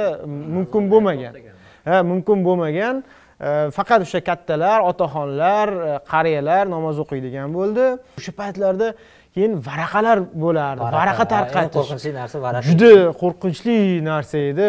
Varaqa deb varaqa chiqibdi. O'zi o't- o'zi o'tgan hafta baribir fevral qanaqadir mrachniyroq o'rischa aytganda Э, masalan o'n oltinchi fevral deb shundoq ham eslaymiz. Bir- oydan beri gapiryapmiz o'n oltinchi fevralni baribir eslaymiz eslaymiz deb. Э, baribir э, xato biz ko'proq mana shu o'n oltinchi fevral voqealaridan yuzaga kelgan xatolar haqida ko'p gaplashyapmiz. Manimcha o'rinlisi ham shu. Shuning uchun ham eslanishi kerak va e, begunoh o'lgan odamlarni haqqi ularni hurmati ya'ni masalan Э, masalan agar shuni bilgan bo'lsa shuni olsa shu odamlar o'lmasa shu bugun shu yonimizda yursa ming marta yaxshi edida endi. Masalan ko'p ko'p gapirdi. Baribir bitta odam o'lgan bo'lsa ham o'zbekistonni o'zbekiston fuqarosi uchun biz qayg'urishimiz kerak. U o'tmishdami kelajakdami xudo xudo ko'rsatmasin bu bir ikkinchisi e, voqealar. Yana o'n oltinchi fevral kecha e, yana bir voqea bo'ldi. Keyin davom etaveramiz. Masalan o'n oltinchi fevral bo'lguncha yana esda qoladi. Yillar davomida eslansa kerak. Bu rossiyada muxolif yetakchisi muxolifat yetakchisi. Endi oxir payt ko'p e, nima savolli deyiladi lekin oxirgi paytda manimcha ishonchim ishonchim komilki u haqiqatda bir muxolifat lideriga aylanuvdi e, bu aleksey navalniyni. Endi hozircha rasman aytilayotgan axborot oilasi hali bu xabar tasdiqlamadi lekin e, endi biz hali sonimiz chiqquncha oilasi ham informatsiya berar. Qamoqxonada vafot etganligi haqidagi. Endi masalan biz bunday aytishimiz mumkin u o'ldirildi rejim tomonidan deb men man o'zim shunaqa hisoblayman. Shuning uchun bu voqeaga otabek masalan o'zingiz bir e, endi qaynog'i bir reaksiyangiz qanaqa? O'zbek jamiyatida e, kecha muhrim bilan ham shu haqda gaplashdik navalniyga nisbatan juda ko'p savollar bor va ishonchsizlik mavjud. E, man kechagi shu navalniyni o'limi haqidagi xabar tarqagandan keyin tarmoqlardagi yozuvlar tarmoqlardagi munosabatlardan bildimki hattoki shu o'lim hodisasi ham juda katta fojia qayg'uli. Э, vaziyat ham э, bizdagi juda ko'p jamiyatimizni keng qatlamini navalniyga nisbatan munosabatini bir muddatga bo'lsa ham o'zgartirgani yo'q deb o'ylayapman. Buni sabablarini o'zimcha o'ylab ko'rdim kechasi bilan. Э, ko'p fikrlarim bor. Hozir ayrimlarini o'rni kelganda aytib aytib ketaman. Eng asosiy narsa shundan iboratki navalniyga nisbatan yopishtirilgan millatchi imperiyachi degan tamg'a klisheni bizni jamiyatimiz to'la to'kis qabul qilib bo'lgan. Ya'ni e, ikki ming yigirma ikkinchi yil yigirma to'rtinchi fevralgacha ukraina jamiyatiga ukraina boshqaruviga nisbatan natsionalist e, banderachi degan tamg'ani yopishtirilganini va bu propagandani miyasiga qabul qilgan odamlarimizni o'zgartirishi uchun vaqt kerak bo'lgani singari navalniyga nisbatan ham o'zbek jamiyatini juda katta qismini hattoki o'qimishli qismini munosabatini o'zgarishi ham vaqt kerak deb o'ylayman. Bitta e, masala esimga tushdi voqea esimga tushdi. ikki ming o'n yettinchi yil yoki ikki ming o'n sakkizinchi yil edi navalniy surishtiruvlardan birini bitta oligarxga nomini aytmayman oligarxga bag'ishlagan bir taxminan ikki yuz varaqlik surishtiruv bo'lgan. Ham navalniy qanaqa surishtiruv amalga oshirsa juda har bir e, hujjat uchun juda jiddiy e, qaraydigan va har bir detallar bilan jiddiy shug'ullanadigan surishtiruvlarni amalga oshirardi film ham taxminan ikki soatlikdan ortiq film edi. Va shu filmni qahramoni undan keyin shu navalniy surishtiruvlarga nisbatan e, taxminan bir besh minutlik murojaat qilgan xolos. Tfu natija besh minutlik murojaat qilgan xolos. Mani atrofimda o'sha paytda e, taxminan o'nta odamdan e, to'qqiztasi navalniyga nisbatan nafratini bildirgan. Vaholanki o'sha filmni filmni filmni hech qaysi biri ko'rmaganda. Navalniyni filmini hech qaysi ko'rmagan. Lekin o'nta odamdan o'ntasi o'nta odamdan o'ntasi besh minutlik murojaatni ko'rganda oxirigacha ko'rgan. Va o'sha yerga albatta o'zini kommentlarini ham yozib qoldirgan to'g'ri bo'lsa ham o'zimizni o'g'ri ha man nima demoqchimanki navalniyga nisbatan umuman nafaqat navalniyga nisbatan rossiya propagandasini doimiy ravishda oson qo'llaydigan klishelariga nisbatan bizni jamiyatimizni ishonuvchanligi haddan tashqari yuqori. Va shu ma'noda bizni jamiyatimiz hali fikrini o'zgartiradi deb e, o'ylayman. U to'g'ri siz hozir birdan yo'q shuni aytib ketishim kerak edida chunki o'zimiznikilar ayblashga o'tib ketdi. Просто rossiya uchun man voqea uchun ham munosabatni e, so'rayapmanda ya'ni e, rossiya uchun e, bu kimdir kecha aytdiki bu e, tong otishdan avvalgi qorong'ulashuv deb aytdi. Yo'q man bunday o'ylamayman. E, qorong'ulashuv davom etadi. Bu oxirgi qorong'ulashuv nuqtasi emas qorong'ulashuv yana davom etadi va menga bitta o'xshatish tarixiy o'xshatish to'g'ri bo'ldi deb o'ylayman. Kirovni o'ldirilishi o'ttiz to'rtinchi yilda stalin tarafidan asosiy raqib deb ko'riladigan kirovni o'ldirilishi. Leningrad ha leningradni shu paytda obkomini rahbari tskni faol a'zolaridan biri bo'lgan e, kirovni o'ldirilishi va undan keyingi jarayonlarga tenglashtiriladi. Ya'ni bugungi rossiyani agarda qayoqqa qarab ketayotganini inobatga oladigan bo'lsak ahvol faqat yomonlashadi va bu ahvolni yomonlashuvi men doim e, rossiya haqida gapirganda rossiya haqida emas o'zimizni jamiyatimiz haqida o'zimizni iqtisodiyotimiz haqida o'ylashga harakat qilaman. Bizga ham salbiy ta'sir ko'rsatadi. Va eng katta signal shundan iborat bo'ldiki navalniyniki o'ldirishga hech qanaqa oqibatlarni o'ylamasdan turib qo'l urgan hukumat uchun har qanday xatti harakat mumkin. O'zinglar uchun tasavvur qilingda navalniyni o'ldira olgan uni oqibatlari bilan hisoblashmasdan yaqin bir oyni ichida saylov bo'lishini inobatga olmasdan jahon hamjamiyati bilan qarama qarshilik uchiga chiqqaniga nisbatan shu xatti harakatga qo'l urolgan hukumat har qanday keyingi e, kutilmagan siz tasavvur qilmaydigan xatti harakatga e, qadam qo'ya oladi. Manimcha asosiy signal shu shu mana e, kirovni esladingizda u paytda e, stalinda kimni qamash bo'yicha ro'yxati katta bo'lganda putinda kim qoldi shundoq ham? Hamma qamoqda bu endi siz aytyapsiz to'g'ri. Endi putinda konsolidatsiyani davom ettirish siyosati saflarni tozalash bilan bog'liq bo'ladi deb o'ylayman. Ya'ni saflarni tozalash o'zini tarafdorlarini o'zini yadroviy elektoratini o'zini yaqin doirasidagi saflarni tozalash bilan e, davom etadi deb o'ylayman ya'ni bu jarayonni har qanday har qanday e, e, nimani avtoritar rejimni evolyutsiyasini ko'rsangiz xitoyda o'sha maoni elliginchi yillarni oxiridan keyingi siyosatini ko'rsangiz u saflarni tozalash bilan bog'liq bo'lgan. Kimlarni katta otasini ham agar siyosatini ko'rsangiz elliginchi oltmishinchi yillardan keyin saflarni tozalash siyosati bilan e, bog'liq bo'lgan. Mani nazarimda evolyutsiyasi putin rossiyasining evolyutsiyasi bundan buyog'iga endi e, aniq nomi dushman ularni nazarida dushmanlar bilan kurash emas saflarni tozalash bilan bog'liq bo'ladi. Sotqinlar bilan. va ichimizdagi sotqinlarni tozalash bilan shartli ravishda aytganda davom etadi va buni oqibatlarini afsuski biz e, o'ylashimiz kerak hozirdan buni risklarini hisob kitobini qilishimiz kerak va bunga nisbatan tayyorgarligimiz ham bo'lishi kerak deb o'ylayman. Chunki o'zgacha fikrlovchi ya'ni amaldagi hozirgi rossiya rejimini iqtisodiy nuqtai nazardan ijtimoiy nuqtai nazardan o'zgacha modelini taklif etadigan kuchlar rossiyada qolgani yo'q endi. E, shu nuqtai nazardan biz man o'zimizga o'zbekistonga nisbatan katta oqibatlar va nimalarni kutyapman. Mana yuqorida otabek aka aytdiki navalniyni bir vaqtni o'zida ham natsionalist ya'ni millatchi va imperialist sifatida ko'rishadi degan fikrni aytgan ikkalasi bir biriga qarshi. Aslida bir biriga qarama qarshi to'liq endi bilasizmi e, navalniy haqiqatda markaziy osiyo davlatlariga viza tizimini joriy qilishni taklif qilgan edi. E, buni men tanqid qilmaganman. Chunki e, meni orzularimdan bittasi rossiya hokimiyatiga imperialist emas putin imperiyachi. U postsovet hududini o'zining ta'sir doirasidagi mana ближний зарубежье deydi yaqin xorij deydi. Bu alohida konsepsiya bu. Ya'ni aslida davlatlar soljenitsin konsepsiyasi ближний подбрюшье Ha, ya'ni dostoyevskiydan qolgan. Markaziy osiyoni ular xorij deb ko'rmaydi. Ya'ni rasman ha mustaqil davlatlar lekin bizning ta'sirimizdagi davlatlar deb ko'radida endi misol uchun rossiyaning hokimiyatiga imperialist emas millatchi odam keladigan bo'lsa ma'lum bir muddat munosabatlar betartib bo'lishi mumkin. Misol uchun faraz qiling ertaga kimdir birov keldidagi markaziy osiyo uchun misol uchun aynan o'zbekiston uchun viza tizimini joriy qildi. Bu nima degani? Bu biz uchun geosiyosiy mustaqillik degani aslida. To'g'ri ma'lum bir aholimiz u yoqqa borib ishlash imkoniyatidan mahrum bo'lishi mumkin. Lekin hozir o'zbekiston judayam intensiv bir shaklda e, ishchi kuchini tashqi dunyoga eksport qilish bo'yicha ishlayapti. Diversifikatsiya qilish diversifikatsiya. Ertami kechmi bu narsa to'liq bo'ladi. Ya'ni bizning ishchi kuchimiz uchun dunyoda katta ehtiyoj baribir bo'ladi. Kanada bo'lsin boshqa davlatlar bo'lsin. Lekin rossiyaning oldida og'ir dilemma turibdi. Yoki markaziy osiyo postsovet hududi uchun eshiklarni ochib qo'yish yoki xitoy uchun ochilish.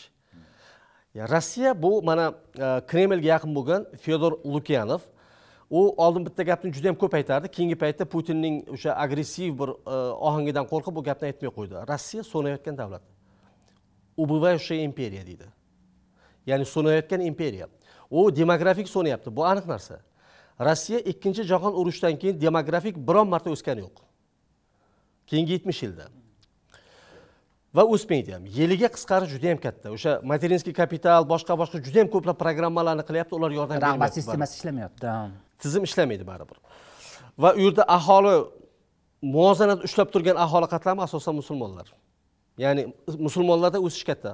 Qirim tatar qozon tatar bashqitlar yoki Che- kavkaz mana dog'iston checheniston va sovet ittifoqi davrida saksonchi yillarda hattoki g'arb bir xulosaga kelganda agar shu sssrdagi demografik o'sish davom etsa ular endi o'ylamaganku to'qsoninchi yillarda sssr parchalanib ketishini. Ba'zi bir sotsiologlar o'sha sovet davrida bu ularni ismi ham ma'lum. Xuddi o'zbekcha ishtonlar kiyib qishloqlarda yurgan o'sha razvedchiklar ular o'rganishgan etnopsixologiyani o'rganishgan demografiyani o'rganishgan va ikki ming ikki ming yigirmanchi yillarga kelib sssrning aholisining yarmidan ko'prog'i etno musulmonlar musulmonlar demagan etno musulmani ya'ni etnik kelib chiqishi musulmon bo'lgan aholi etnik qatlam bo'ladi degan xulosaga kelgan. E pakeти mana to'qsoninchi yilda sssr qulab ketdi. Endi navalniyga o'xshagan natsionalist imperialist emas u navalniy hattoki millatchi bo'lganda ham hokimiyatga kelgandan keyin unga atrofidan bosim bo'lardi deb o'ylayman. Misol uchunda biz imperiyamiz u agar viza tizimini joriy qilsang biz ko'proq yutqazamiz degan pozitsiyada baribir bo'lishi mumkin edi. Endi navalniy rossiyaning ichkarisidagi konservativ imperialist va millatchi qatlamiga orientir oldi. Buni uning safdoshlari ham ko'p tanqid qildi. Mana maksim kats bor uni doimiy kuzatib boraman. U aytdiki sen katta xato qilyapsan. Sen ham bir vaqt o'zida liberal bo'lmoqchisan va ayni paytda millatchi bo'lmoqchisan deb. Chunki elementlari bordi millatchilik va keyingi ukraina urushidan keyin uh, u ohangini o'zgartirdi aslida. Navalniy. Boshida ikki ming o'n to'rtinchi yildagi qrimning tortib olinganligini qo'llab quvvatladi biz qanday qaytarib beramiz degan bir pozitsiyada edi huquqiy nuqtai nazardan. Lekin ukraina urushi boshlangandan keyin biz qaytarib berishimiz kerak dedi. Ya'ni u yerdagi konsensus o'zgardi. Yo'q shu yerda aniqlashtirib ketishni e, istardim. Sizni fikringiz menga juda yam qiziq e, navalniy e, ijtimoiy so'rovlardan kelib chiqib turib shu fikrlarini o'zgartirib bordimi yoki u haqiqatdan ham siyosatchi sifatida evolyutsiyalashib bordimi? Chunki navalniy nisbatan olib qaraganda hech qachon nomenklaturani tarkibiy qismida bo'lmagan. U juda yosh siyosatga kirib kelgan. Misol uchun har qanday yosh Yosh kurashga kirib kelgan e, e, yosh siyosatga kirib kelgan yosh e, siyosatchilarni xato qilish imkoniyatlari juda ko'pda. Chunki u boshqa bir avlod vakili shakllangan hamma qabul qilgan yoriqlardan tezroq yorib chiqishni istaydi yo'llarni qidiradi shu nuqtai nazardan uni evolyutsiyasi to'g'risida nima deysiz? Rossiya jamiyatida bir vaqtni o'zida ham imperializmga ham millatchilikka aynan markaziy osiyoliklarga nisbatan ksenofobiya so'rovi mavjud. Ya'ni zaпрос deymiz mana shunday so'rov mavjud va navalniy e, bu sotsiologik e, nimalar deb aytolmayman lekin aslida butun bir jamiyatdagi umumiy xulosalar baribir insonni ongida bu sintezga uchraydiku. Xuddi shunday navalniyda o'sha millatchi qatlamning ehtiyojini qondirishga intilish mavjud edi. U ko'p tanqidga uchradi. U liberallar tomonidan o'zining yon atrofidagilar tomonidan ksenofobiyaga ko'p urg'u berayotganligi ko'p tanqidga uchradi va keyingi yillarda meni nazarimda men o'zim kuzatishlarim bo'yicha o'sha markaziy osiyoliklarga yoki boshqa bir etnik guruhlarga nisbatan tanqidiy ohangi judayam pasaygandi aslida. Lekin u narsa bor edi aslida. Ya'ni siyosatchi sifatida u siyosatchilar baribir vaziyatni inobatga oladi. Eng e, ujar injiq bo'lgan siyosatchilar ham. Uni tan olmasligi mumkin lekin baribir inobatga olishga majbur bo'ladi. Kamoliddin aka mana shu o'lim hodisasida o'zi qanaqa qaraysiz? Mana o'zi otabek akani fikriga to'liq qo'shilaman. Ya'ni buni putin ongli ravishda o'ldirdi. Putin shunday bir nuqtadaki u jamoatchilik fikriga mutlaq e'tibor bermaydi. Mana ko'pchilik aytyaptida bugun rossiyalik hattoki liberallar liberallar ham aytyaptiki saylovga bir oy qolganda putin o'ldirmaydi. Yo'q putin misli ko'rilmagan katta bir urushlarni boshladi ichkarida. U u odamni hokimiyatga kelishini o'zi o'sha moskvadagi Portlashlar. shossedagi portlashlar bilan boshlangan. U odam tafakkuri shunaqa. Ya'ni uning tafakkurida srni tiklash uchun millionlab odamni o'ldirish mumkin.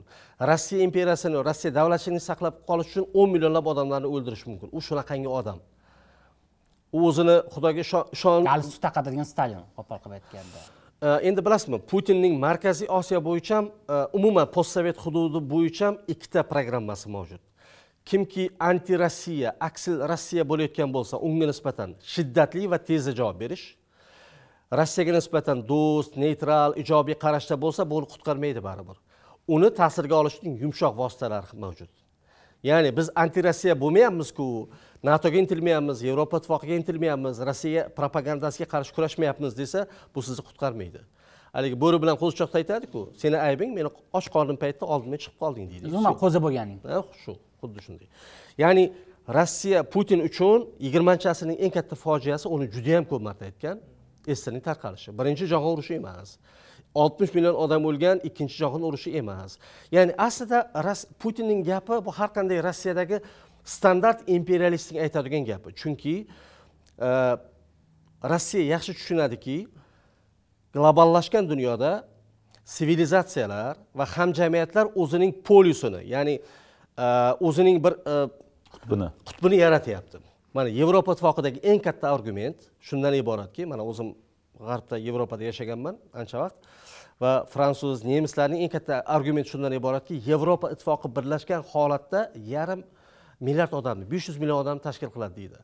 Xitoyning o'zida bir yarim milliard hindiston o'zida bir yarim milliard deydi. Bu yoqda amerika amerika borasida ham yevropa ikkiga bo'linadi. Hamma amerikani o'zining katta akasi demaydi baribir. Ayniqsa fransiya. Ayniqsa fransiya birinchi o'rinda fransiya. Ular aytadi gallizm ya'ni sharl de goldan qolgan konsepsiya borki amerika anglo saksonlarga shubha bilan qarash kerak. Bular baribir odam bo'lmaydi baribir do'st bo'lmaydi degan qarash ularda bor fransiyada anglo saksonlarda va germaniyani hokimiyatiga kim kelishiga qarab u yoqqa bu yoqqa chayqalib turadi. Ispaniya ham xuddi shunday chayqalib turadi. Gollandiya chayqalmaydi angliya chayqalmaydi. Ular doimiy muttasil a, Transatlantik, a, transatlantik munosabatlar tarafdori. muhrim sanda qanaqa o'zing? Navalniy bo'yicha kecha bitta tanish odam yozdi o'qib hozir o'qib yig'lagim keldi dedi. Keyin man man man eshitdim biz majlis botuvdi shu majlis bo'tganda navalniy o'libdi deyishdida navalniy o'lganini aytgan bola ham hayrat bo'lib qoldim dedida man to'g'risi odam man endi keyin keyin man xabarlarni o'qib masalan butun qarasam kechroq kirganimdan keyin munosabatlarni o'qidim. Anavi bir xil odamlar o'lganini tirikligida yoki o'lgandan keyin munosabatdan bilish mumkinda qanaqa katta odam bo'lganini masalan man endi o'sha haligi mana anavi bir ikkita shu detallarni ko'rib qolganman. Man navalniy ja unaqa yaxshi bilmaganman ja unaqa qattiq kuzatmaganman. Surishtiruvlarni ko'rganman. Anavi e, medvedev haqidagi putinni dachalari haqidagi boshqa boshqasini. E, lekin manga ulardan u ishlari zo'r. Keyin har xil o'sha faoliyatini boshida adashmasam rossiyami har har xil qanaqa ijtimoiy loyihalari bo'lardi. Shunaqa qilib o'ziga tarafdorlarni to'plagan boshqa qilgan ular ham bir qiziq bo'lganku lekin nimagadir e, chala chulpa kuzatgani uchun bo'lsa kerak o'sha hali millatchilik millatchilik nuqtalarini ko'rgandim. Keyin man juda hayron qolganman. Uni bilmaganman masalan o'sha gruziyaga urush bo'lgan payti ikki ming sakkizinchi yili e, gruzinlarni grizullar deb layv jurnalda shunaqa masxara qilib boshqa qilib yozgan ekan. Endi to'g'ri odamni fikri o'zgarishi mumkin. Odam qayta qayta kechirim so'ragan shuning uchun. Otabek aka mayli faktda mayli endi man o'sha kechirim so'raganini ham unaqa nima deydi? Jiddiy qabul qilmagan. Yo jiddiy qabul qilish emas. U o'sha fikrimda qolamanmi shunga o'xshaganroq gap bilan kechirim so'ragan ya'ni kechirim so'rab kechirim so'ramaganda. Muhrimboy necha yoshsiz hozir? o'ttiz to'rtga o'ttiz to'rt. Ikki ming sakkizinchi yilda navalniy agar ha adashmasam ha o'ttiz odamni fikri o'zgarishi o'ttiz mumkin bir yoshda bo'lgan. odamni fikri o'zgarishi mumkin. Man nima deyman просто endi Qarashlar sanda o'zi man tushunaman ya'ni biz переживать qilayotgan otabekka yaqin olib Ha, переживать lekin mana bunaqa narsa. Umuman olganda mana u putinga qarshi shu zulm nimasiga qarshi shu nuqtai nazardan baribir uni ana mana bunaqa narsada mana ikkinchi jahon urushida cherchill sssrni qo'llab quvvatlashimiz kerak sovetlarni qo'llab quvvatlashimiz kerak bolsheviklarni qo'llab quvvatlashimiz kerak chunki bu bizani umumiy dushmanimiz bor. Gitlerni yo'qotishimiz kerak. Lekin gitler yo'q bo'lishi bilan bolsheviklar bo'lmaydi. Biz bularga qarshi kurashishimiz kerak. Ya'ni shu nuqtai nazar umumiy dushman bo'lgan nuqtai nazarda da u navalniy qo'llab quvvatlash kerak deb hisoblardim lekin nima deydi baribir manimcha katta yo'qotish bo'ldi o'sha rossiya uchun umuman nima uchun bu kurashda bu anavi qanaqadir odamlarni birlashtirib olg'a boshlashda endi bilmadim kerak emas turib bu yil nobel berishadi hatto o'lgan odamga beriladi yo istisnolar bor beriladi man xabarim yo'q lekin aynan to'g'ri, fan nuqtai nazaridan birorta o'lgan odamga nobel mukofoti yo berilgani nimaga berilgan o'lgan odamga ham o'sha kimyogar qoidalardan bittasi hisoblanadi to'g'ri deyapman. Istisno bor deyapti. to'g'ri nobel mukofoti nizomida o'lgan odamga berilmaydi. Biz lekin akavotchi bilishi mumkin. Lekin e, kamida adashmasam uchta holat bor o'lgan odamga ham berilgan. Ya'ni istisnolar bo'ladi. Endi shu temada silliqqina anu masalan man uni ham uncha yaxshi bilmayman. Lekin shu nemtsov mana manga juda ruschasiga aytganda simpatichniyroq ko'rinardida. Ya'ni balki uni ham bordir anu qanaqadir natsionalistlar bilan birga bayroq ko'tarib yurgan joylari misol uchunda sof liberaldir. Ha. sof liberal. Ya'ni hayotni yaxshi ko'rardi. U o'zgacha inson Qanaqadir- rahmat. To'g'ri rostdan ham masalan shunaqa e, ziddiyatli joyi man E, o'n yil bo'ldi.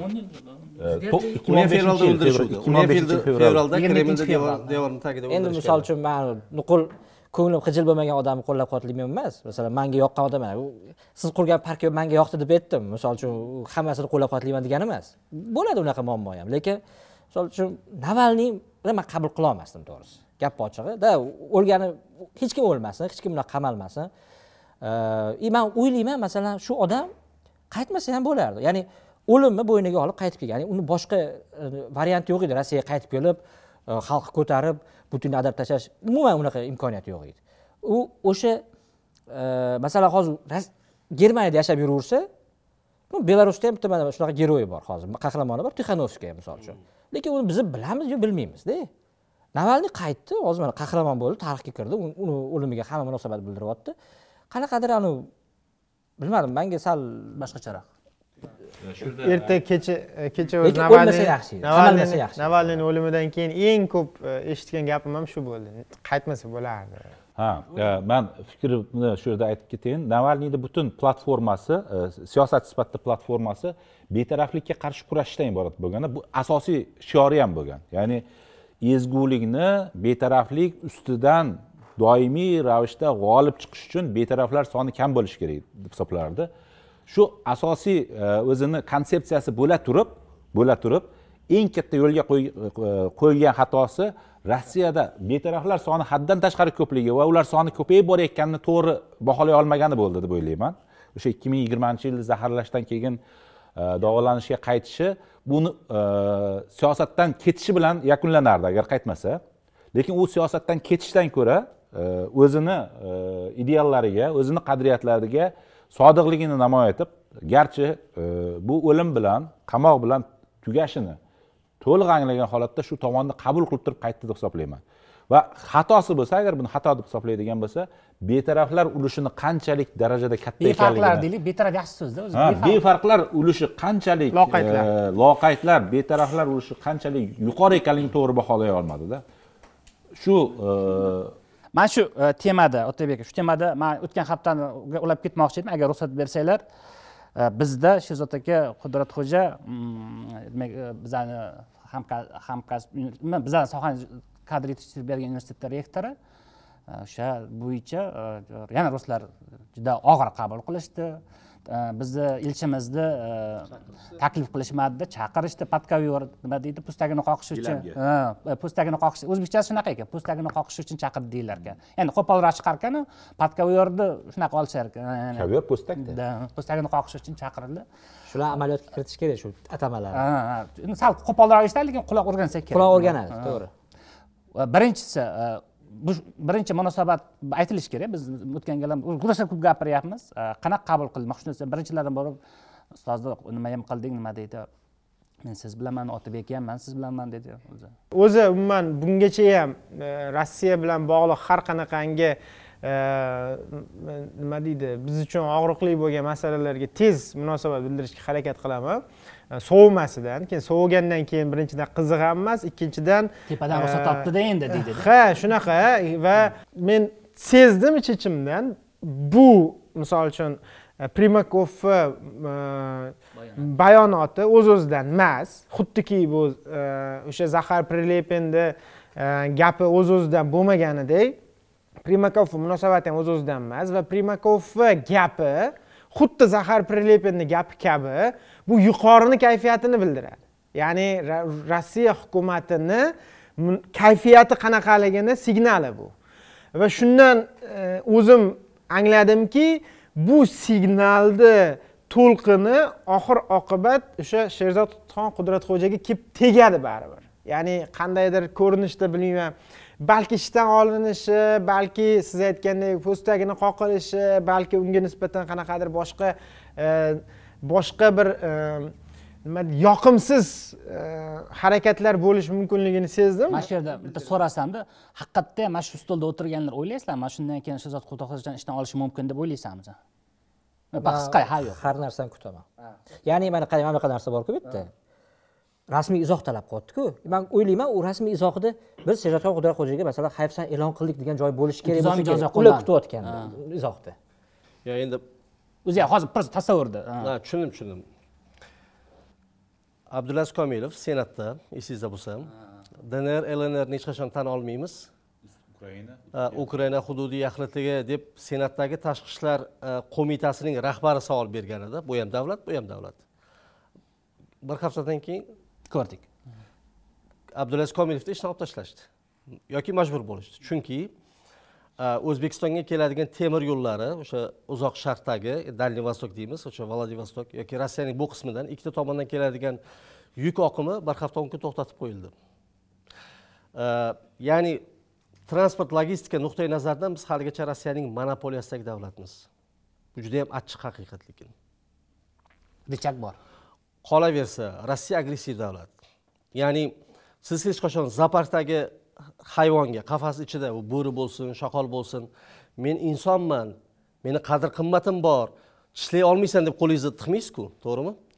Ya'ni vahshiy hayvon bilan yoki quturgan hayvon bilan yoki har qanday mana shunday agressivlik bilan ratsionalizmdan kelib chiqib munosabatda bo'lishni men tushunaman davlat tarafdan pragmatичный demoqchisiz Pragma, ya'ni pragmatik. Lekin mana u u kunuzda ham bir suhbat qildik bu yerda ikkita nuqta bor. Birinchisi milliy g'urur ikkinchisi milliy manfaatlar bular o'rtasida muvozanat bo'lmasa misol uchun milliy manfaatlar uchun milliy g'ururni qurbon qilib yuboradigan bo'lsak ertaga milliy manfaatlar ham qurbon bo'ladi tabiiy ravishda. Ya'ni shuning uchun men taklif qilgandimki e, men shunday pozitsiyadamanki rossiya tarafiga sovuqqonlik bilan agressiyaga berilishga imkoniyat bermasdan aytish kerak. Qani bu yerda ksenofobiya? Ular aytyaptiki rusofobiya. Sherzod akani o'sha bergan intervyusini alpan bilan suhbatini boshidan oxirigacha sinchkovlik bilan eshitdim. Ekspert yoki mutaxassis sifatida aytamanki u yerda yo'q rusofobiya u yerda rus tili o'rganilmasin degan nuqta umuman mavjud emas shama ham mavjud emas. U yerdagi yagona pozitsiya bizdagi hamma millat rossiyani o'zichi rossiyaning o'zi o'sha xalqaro qonunchilikda fuqarolik olmoqchi bo'lsangiz davlatning tili va tarixini bilishingiz kerak. Rossiyada bir hafta ishlab ishlamoqchi bo'lsangiz o'sha e, patent olishingiz kerak. Va patentda nafaqat tilni balki rossiya tarixini ham so'raydi. Dunyo standartlarida rossiyaning talablari juda qattiq. Oddiy mehnatga.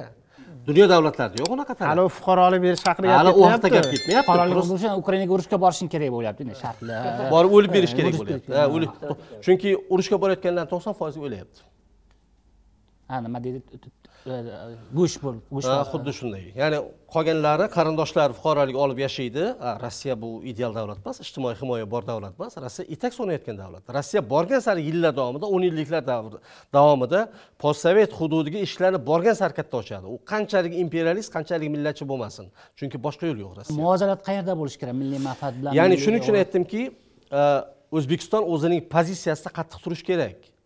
O'zini fuqarolarini va o'zining suvereniteti. Bu yerda ular o'zbekistonning ichki ishlariga aralashyapti chunki biz til talabini rossiyaning o'zi yoki boshqa davlatlar bu standart talab bu butun dunyoda shunday. Chunki til jamiyatni integratsiya qiladi. Til bu davlatning fundamentida turadigan narsa. Va sherzod aka aytayotgan narsa hamma o'zbek tilini bilsin deb aytayotgan narsaga nima uchun mening ya'ni oddiy talqinga ko'chiradigan bo'lsak men nima uchun mening ruslarim seni tilingni o'rganishi kerak Mening deyapti. ha. mening ruslarim seni tilingni o'rganmaydi deyapti rossiya aytyapti Hmm.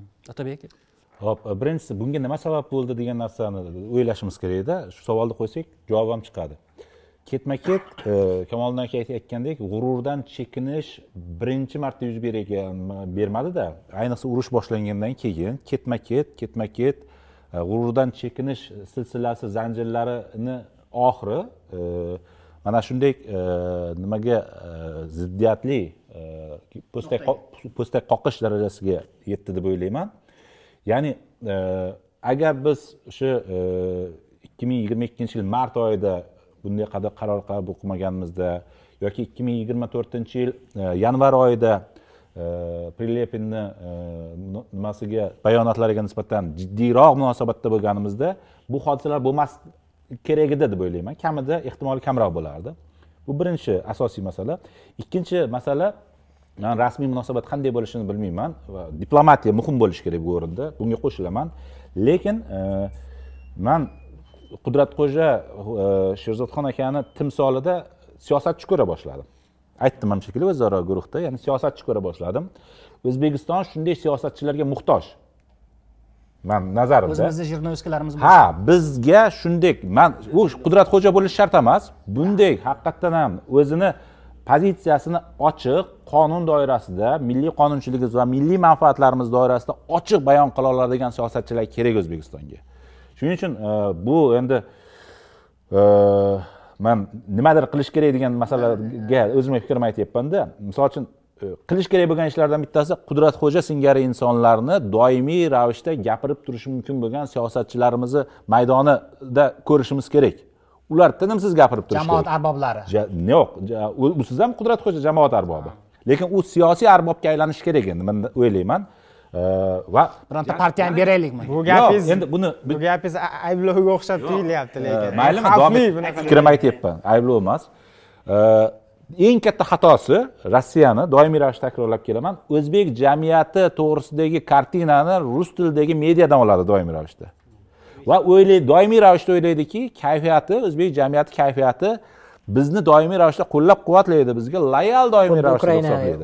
kabi. va bu juda katta xato ekanligini ko'ra olayotgani yo'q haligacha. Ular adashayotganini bilayotgani yo'q. Shuning uchun men aytmoqchi bo'lganim aytmoqchi bo'lganimki biz yana bir qiladigan ishimiz o'zbek jamiyatini kayfiyatini o'zbek tilida ifodalashdan tashqari e, kerak bo'lsa rus tilida ham ko'proq ifodalashimiz. Jahongir aka aytgan gap bo'lyapti e, kerakka o'xshayapti deb o'yladim. Yo'q yo'q siz ru- ruslar haqida noto'g'ri o'ylayapsiz. Ya'ni ularga noto'g'ri baho beryapsiz. Uh, ular o'zbek jamiyatini o'zbek mediasini aynan o'zbek tilidagisini ham qattiq kuzatib borishadi. Va juda bunga maxsus kerak bo'lsa men o'ylayman va ishonaman. Maxsus tuzilmalar bor. Ular albatta har bir yozilgan postlarni rossiyaga oid bo'lgan qismlarni hammasini tarjima qilgan holatda kerakli joylarga yetkazishadi. Va e, rossiyani e, uh, kuchayayotgan agressiyasi ham bizga nisbatan propaganda ya'ni axborot ko'rinishidagi agressiyasi ham mana shu berilgan hisobotlar natijasida bo'lyapti. Ya'ni signal ketyaptiki o'rtoqlar E, o'zbek jamiyatida ma'lum bir qatlam bor ma'lum bir insonlar bor va ular doimiy ravishda rossiyani diskreditatsiya qilish bilan shug'ullanyapti.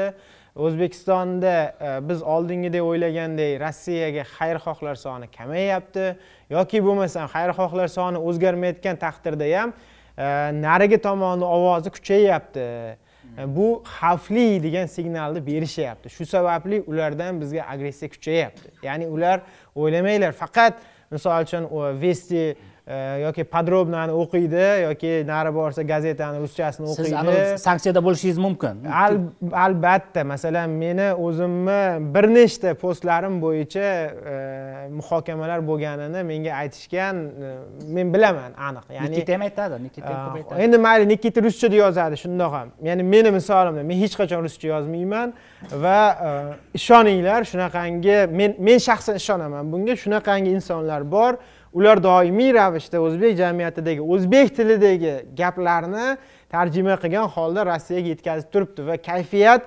o'zgarayotganini kayfiyat rossiya uchun yaxshi tomonga emas yomon tomonga o'zgarayotganini signalini yetkazib turibdi. Man e, kayfiyat bunaqa demaylik. E, bizda e, minstrim mediada baribir rossiyaga qarshi deylik masalan ko'proq odamlar ko'proq so'z beriladi media mediamiz ham bir ikkita uchdan hisoblamasa anti rossiya nima endi shunaqa o'zbekparast degan bo'lardi shunaqa deylik o'zbekparast shu ma'noda shu ma'noda то есть bu kayfiyat degani emas bilamizku endi sotsial siyosatga olsa shunday chiqib keladi ya'ni lekin anavi baribir jamiyatni qanaqadir qatlamida bor shu fikrni o'zgartirishga harakatlar ya'ni bu urushdan keyin ayniqsa urushdan keyin ancha faollashgan kamoliddin aka yana o'sha bo'yicha manga bitta shu savol berib ketay. Mana e, siz har doim aytasizki pragmatik yondashish ma'nosida nakal ya'ni nima deydi bu keskinlik qayergacha borish kerak? Mayli общественный doirada bo'lsa ham. Ho'p endi mana bitta narsaga e'tibor berishimiz kerak. Rossiya propagandasi rossiya siyosati tomonidan hosil qilinayotgan zo'riqish faqat o'zbekistonga nisbatan emas. Markaziy osiyodagi barcha davlatlarga nisbatan Э, zo'riqish vektorlari muttasil shakllanib boriladi bu birinchi o'rinda qozog'iston turibdi chunki rossiya propagandasining fikriga ko'ra markaziy osiyodagi birinchi anglosakson davlati yoki anglosakson davlat demak tomon og'ishgan davlat bu qozog'iston. Chunki to'qayev bilan putinning munosabatlari o'ta sovuq ekanligini juda yam yaxshi bilamiz. Qaysar putin nazarida taqayev qaysar. Nafaqat qaysar balkim putinning yonida turib o'sha sankt peterburg sammitida esingizda bo'lsa men seni dnr bilan lnringni hayotda tan olmayman deganda putin qizarib ketganda putin asabiylashsa labini tishlaydigan odati bor uni qiladi e'tibor bersalaring. Va uni hech qachon unutmaydi ha putin u narsani unutmaydi. Endi har bitta davlatning o'zini kalibri bo'ladi o'zining masshtabi bo'ladi. Markaziy osiyodagi eng rossiya uchun muhim davlat baribir o'zbekiston qozog'iston katta davlat lekin mintaqadagi mana zbignev bжезинскийning konsepsiyasini baribir rossiyada ham qabul qilganda aholining mintaqa aholisining yarmi bitta o'zbekistonda yashaydi turkiy dunyodagi ikkinchi katta turkiy davlat turkiyadan keyingisi bu o'zbekiston. Undan keyin qozog'iston keyin ozarbayjon keyin qirg'iziston oxirgisi turkmaniston. Aholi nuqtai nazaridan mustaqil turkiy davlatdan aytyapman. Musulmon dunyosida ham xuddi shunday. Bizni tarixiy merosimiz o'ziga buxoriy bilan termiziyni o'zi yetadi. Aslida ular minglab insonlar. Shuning uchun odkb bo'ladimi? Khsht ya'ni kollektiv ya'ni va yevrosiyo iqtisodiy ittifoqi bo'ladimi? Mana shu loyihalarga o'zbekistonni qo'shmaguncha bu mintaqaviy loyiha hech qachon bo'lmaydi. Buni rossiya juda yam yaxshi biladi to'laqonli bo'lmaydi deysiz to'laqonli bo'lmaydi. Ya'ni bizda hokimiyat almashganidan keyin rossiya rosa avradi. Iltimos kiringlar yevrosiyo iqtisodiy ittifoqiga hali ham davom etyapti. Biznikilar xo'p xo'p dedi kuzatuvchi bo'lib biz tomosha qilishni yaxshi ko'ramiz dedi. Lekin ya'ni ichkaridan turib kuzatamiz dedi lekin baribir to'laqonli a'zo bo'lmadi. Bu rossiyani jahlini chiqaradi. Lekin rossiyaning instrumentlari ukraina urushidan keyin mintaqaga ta'sir qilish instrumentlari yanada pasaydi. Va shu fonda demak butun markaziy osiyoga bosim har xil siyosatchilar bor. Rossiyadagi siyosiy elita baribir keng katta bittasi qozog'istonga besh o'ntasi qozog'istonga besh o'ntasi o'zbekistonga. Vaqti vaqti bilan tojikiston e, turkmanistonga qirg'izistonga bosim qilib tosh otib turadi. Ya'ni mabodo e, konfliktga yoki aytaylik e, konfrontatsiyaga ehtiyoj bo'lsa o'sha tayyor turish kerak. Rossiya nimasida? O'shaning uchun to'laqonli bu mintaqa davlatlariga nisbatan biz to'liq senga do'stmiz va sen to'liq xavfsizsan degan signalni rossiya bermaydi hech qachon. ishonmaslik kerak bu yolg'on shunday. yolg'on tasavvur. bitta savol bersam bo'ladimi kamoliddin aka sizni fikringiz qiziq. Mana navalniyni kecha o'ldirilishini aks sadosi va butun rossiya tashqi siyosati shu aks sadoni baribir yumshatish bilan e, ovora bo'ladi. Yaqin e, saylovgacha bo'lgan davrda kamida ovora bo'ladi. Balki shu fonda bu to'g'rida e, gapirmaslik ham e, umuman javob bermaslik ham o'rinlidir misol uchun o'zlari o'zlari bilan o'zlari e, band balki navalniy o'limidan keyin rossiya atrofidagi axborot konteksti o'zgardi. Hattoki bayden ham mana chiqib olib alohida bir munosabat bildirdi. Yevropa ittifoqida ham xuddi shunday. Mana shu fonda balkim o'zbekiston bilmadim. Pauza saqlash kerakdir. Balkim pauza saqlash kerakdir. Ya'ni buni mozgovый shturm deydi. Shunaqa metod bor shunaqa usul bor biroqlar strategik tadqiqotlar institutida ishlaganimizda shunaqa usuldan foydalanar edik. Ya'ni ekspertlar yig'ilib olib o'sha yerda hamma argumentlar qarama qarshi tomonga bo'lib olib shunday tashlanadi endi o'zbekiston hozirgi paytda mana shu navalniy o'limi fonida kutilmaganda o'ziga diqqat e'tiborni qaytadan qaratish rossiya propagandasi uchun ham qulay bo'lib qolishi mumkin. Buni o'ylab ko'rish kerak. Lekin yani- bunga lekin bu javob emas chunki men meni pozitsiyam chuqur o'ylangan emas bu hozir endi qara bizlar e, hali bir yarim soatcha gaplashyapmiz. E, juda nima bo'lib ketdi sal bir siyosiylashib ketdi. Siyosiylashib ketdi odamlarni qiynamaylik bir e, qor yog'di mana sal tabiat o'tib siz yaxshi ko'rasiz buni. Juda yaxshi ko'raman qorni. Afsuski e, doimiy bizni kayfiyatimiz e, qor bilan bog'liq emas isitish bilan ham bog'liq bo'lib qolgani uchun ikkinchi ta- ikkinchi tarafi ham bor. Kecha e, shu qor yog'ishni tezlashib ketgandan keyin tarmoqni doim kuzatib o'tiraman. Kayfiyat bitta taraf bo'lyapti. Ya'ni odamlar xursand zavqlanyapti. Ayniqsa bolalar bilsangiz darrov chanalarini ham olib chiqishni boshlashdi. Ikkinchi tarafdan odamlar gaz o'chdi svet o'chdi degan masalani yana e, tartib. olib chiqyapti. endi siz ko'p savol uchun- man ham bitta savol bersamda o'zi qor to'g'risida nima bo'lganda shu sog'liq to'g'risida jamiyatda fikrlar ikkiga bo'linadida demografiya va sog'liq ha. Demografiyada ko'payishga sababchi bo'ladimi yoki pasayishgami endi e, man demografiyani doimiy ravishda bog'layman e, daromadlar bilan bog'layman. Juda korrelyatsiyasi e, ilmiy javob bermang hazilga hazil dar- daromadlar bilan bog'liq e, tabiat bilan bog'liq emas. eng eng sizni savolingizga javob. Mana o'tgan yili ikki ming yigirma uchinchi yili tug'ilish statistikasini ko'rdik.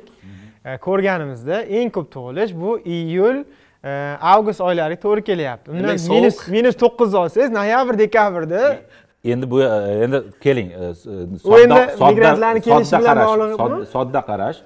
Migrantlarni kelishi ham bog'liq. O'zi azaldan o'zbekistonda eng ko'p tug'ilish shu shu oylarga to'g'ri keladi. Bu faqatgina anomal sovuq bo'lganligi tufayli emas. Aytmoqchi bo'lganim kayfiyatni bugun kelayotganda ham ko'rdim. Misol uchun bolalarni kayfiyati yaxshi. Shu mani doim xursand qiladi. Bugun ertalabdan ham manimcha juda ko'pchilik bolalari ota onalarini ko'chaga olib chiqib- podkastlaringga deb man yutiribman man bolalarimga va'da beruvdim. Aha. ya'ni ota onalarni qayg'usi misol uchun svet gaz bilan bog'liq bo'lsa bolalarni e, kayfiyati quvonchi baribir tabiat bilan bog'liq. Har kuni ham e, mana misol uchun o'tgan safargi mehmonlarimizdan bittasi aytdiku har bir ota onani ham imkoniyati yo'q qorga olib chiqib kelishga degan ma'noda olib qaraganda Ha, Xudo shaharga ham qor tashlab xudoni o'zi e, bolalarga qor berdida. Amirsoyi u eshigimiz tagida qilib qo'ydi. Xuddi shunaqa. Va e, bundan keyin yana bitta narsani ta'kidlab o'tishim kerak. E, o'tayotgan haftada yana bir muhim voqea bo'ldi. Bu lukashenkoni o'zbekistonga tashrifi narigi haftaniki edi menimcha oldingi hafta- haftaniki edi. Biz oldingi podkastda gaplashib ham Ha, bo'ldik gaplashib bo'luvdinglarmi ha shu podkastda manda bilmayman balki qirib yuborasizlar muhim gaplardan bittasi lukashenkoni o'zbekiston e, rossiyadan g'alla e, olib kelishi haqida e, uqtirgani bo'ldi. E'tibor bermadi ko'pchilik. Mediamiz ham e'tibor bermadi. Rostdan ham o'zbekiston nimadan? Rossiyadan g'alla olmaydi Qozog'istondan ko'p. qozog'istondan oladi. Ya'ni urug'lik uchun olishi mumkin. Juda kichkina ulushlarda seleksiya uchun. Man buni qanaqadir nimani patronni topshirig'i deb qabul qildim. Bilmayman sizlar qanday qabul qildinglar. Nima deb boshqa bir davlatni prezidenti boshqa bir Davlatdan. boshqa bir davlatdan narsa olish haqida aytishi ham ajoyib. Lukashenkoni manimcha funksiyasi o'zi shunaqa hatto boshqa davlatlar ichki ishlarida muammoli bo'lib qolsa putin bilan prigojin urushib qolsa ham hal qilib beradiyu. Biz man kela qolinglar bo'ldi urushmanglar boshqa deb buni nima uchun aytyapman? Bizda e, rossiya bosqinidan keyin birinchi qilingan ishlardan biri rossiyani sanoatini bizni paxtaga o'rgatish va o'zbekistonni iste'molini rossiya bug'doyiga o'rgatishdan iborat bo'lganda ya'ni e, qaram qilishdan iborat bo'lgan. Bolsheviklar ham xuddi shu siyosatni davom ettirgan biz shu rossiya g'allasiga qaramlilikdan to'qson to'rtinchi yilda qutula olganmiz islom xolosda karimov e, g'alla mustaqilligini e'lon qilganda shuni nazarda tutgan o'zbekiston yetishtirgan. Bu bu e, o'zbekistonda g'alla yetishtirish asosiy masala emas. Rossiyani g'allasidan qutulish asosiy masala bo'lganda shuning uchun man juda yam istamagan bo'lardim e, energetikadagi bog'liqligimiz kamoliddin aka aytgandek logistikadagi bog'liqligimiz yetmaganidek endi muhim e, bizni oziq ovqat e, iste'molimizdagi bug'doy va unga rossiya g'allasiga bog'liq bo'lib qolishni. Chunki e, bunaqa muhim tovarlarni do'stlardan qardoshlardan sotib olish narx nuqtai nazaridan ham logistika nuqtai nazaridan ham afzalroq hisoblanadi. Man yaxshi kimda gap bo'lmasa haligi qudratxo'ja sherzodxon aka mavzusiga yana qaytmoqchimanda. Bog'liq mana nima nima bizani o'sha rossiyaga bog'lab turadi? Nimaga biza bundan javob bera olmaymiz? Ikki million? Yo'q endi yo'q yo'q masalan qanaqadir bularni hal qilsa bo'ladigandek ko'rinadi manga misol uchun sal qat'iyroq bo'lishimizga nima xalaqit beradi? Juda ko'p faktorlar. Masalan nima masalan hop birdaniga qat'iy bo'lsak nima nima yo'qotamiz? Savol bu masalan. Oldin aka qarang men nuqul rossiya to'g'anoqda hamma narsaga. Yo'q yo'q yo'q. Keyingi bir yarim ikki asrda biz rossiya bilan birga yashadik. Rossiya bizni mustamlaka qildi va mustamlakalik davri ham ikkiga bo'linadi. Birinchisi o'n yettinchi yilga qadar rossiya klassik imperiya edi. Klassik kolonial davlat edi. Ya'ni bizni ichki ishlarimizga kam aralashardi. Masjidlarni yopib u bilan xalqlarimizga hech narsaga teginmas edi lekin bor resurslarimizni olib chiqib ketardi. Va tashqi savdoni qo'llaydi ha ya'ni o'n yettinchi yildan keyin rossiya hokimiyatiga lenin sovetlar keldi va u aytdiki bundan keyin sen mening tarkibiy qismimsan dedi. Koloniyam emassan men bilan bitta tilda gaplashasan men bilan bitta ideologiyada bo'lasan va mening tarkibiy qism bo'lasan va men seni sovet ittifoqi hududida sovet odamini yarataman dedi. Yangi millat. Yangi millat. Bu yangi odam sovet odami. U yerda o'zbek musulmon u bu narsa bo'lmaydi. Albatta o'sha e, milliy respublikalar qolgan putin u kuni leninni tanqid qildiku. Nima uchun u e, sovet ittifoqida o'sha natsionalniy respublikalarni chiqib ketishiga imkoniyat qoldirgan yanchib tashlash kerak edi degan bir pozitsiyani ko'p aytadi lenin o'zi anavi ruslar haqqi shovinist deb juda ko'p aytganu man qo'rq- qo'rqqan ruslarni shovinizmi yevoradi e, nimaga e, kommunizmga xalaqit beradi deb hisoblaganda ruslarni shovinizmi shuning uchun shu yo'lda qo'llagan ha. Ho'p endi mana mustaqil bo'ldik. Meni rossiya borasidagi pozitsiyam doim ikkita tarkibiy qismdan iborat. Birinchisi milliy manfaatlardan. Rossiyadan uzilmaslik. Rossiya so'nayotgan davlat. Logistika bilan bog'liqmiz. Rossiyaning axborot hududida o'tiribmiz. Hali u rossiyaning propagandasi bilan kurashadigan resursni biz ham qozog'iston ham markaziy osiyo birgalashganda ham yarata olmaymiz. Bu fakt narsa.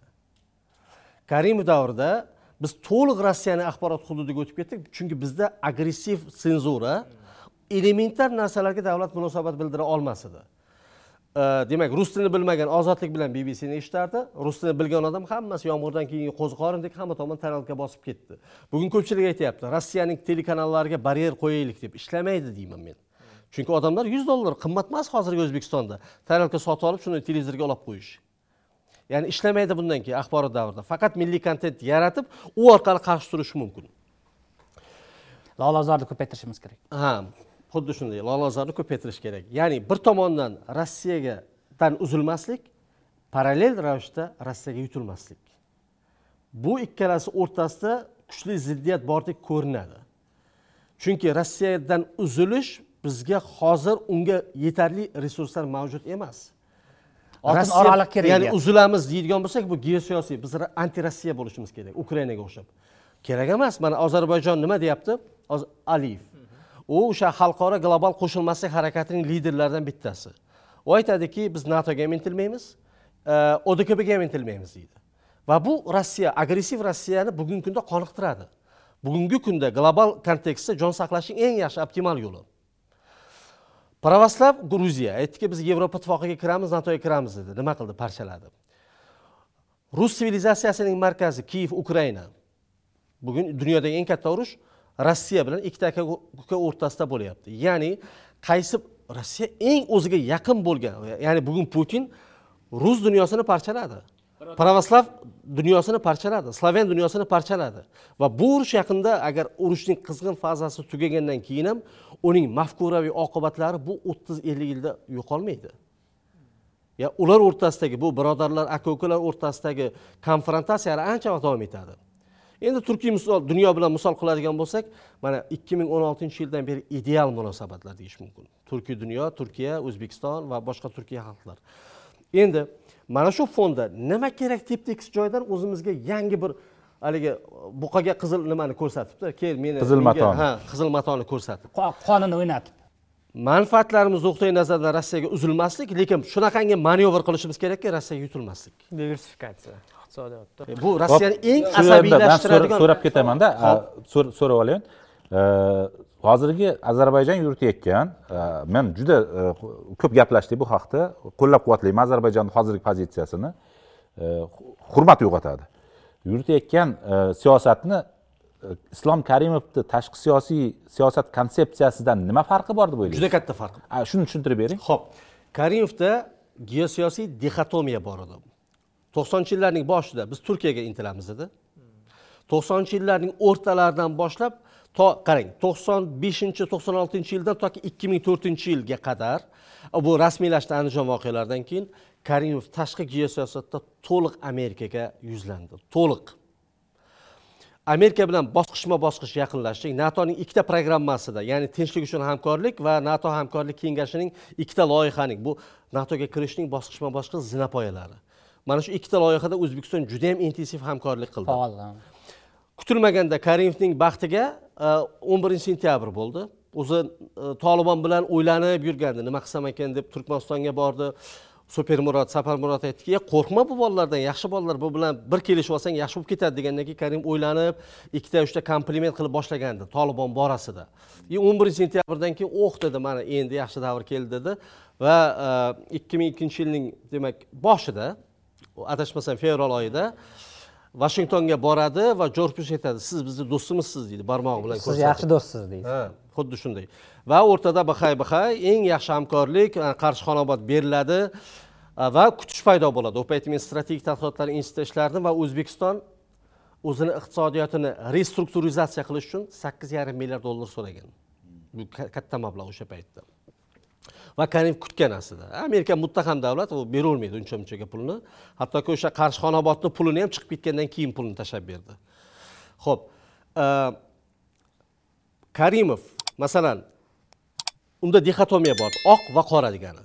Vashingtonga yuzlanganda vashingtonning dushmani kim bo'lsa u bizga dushman edi o'sha payt karimov o'sha samolyotdan vashingtondan uchib kelayotganda bitta gapni aytgan edi. Endi bundan keyin kim bizga dumini ko'tarsa vashingtonga dumini ko'targan bo'ladi. Biz endi tarakanda yanchib tashlaymiz u qilamiz bu qilamiz mana shunaqangi kayfiyat bor edi. И kutilmaganda andijon voqealaridan keyin moskvaga bordi bir oydan keyin. Va shundan keyin xuddi shu gapni boshqachasini aytdi. Kimki endi bizga dumini ko'tarsa rossiyaga moskvaga dumini ko'targan bo'ladi degan shu so'zlarda aytyapman udkbga qo'shilgan xuddi shunday. Odkbga qaytdik e, demak e, ya'ni dixotomiya bor edi ko'p vektorli siyosatni karimov tushunmasida qabul qilolmas edi man o'n birinchi yildagi e, nima aytyapman bizda? Agar adashmasam tashqi siyosat konsepsiyasi o'n birinchi yilda ya'ni hech qaysi andijondan keyin bo'ldi. Ha ho'p mana shu andijondan o'n- keyin bo'ldi. keling e, kamol aka savolimni aniqlashtiraman.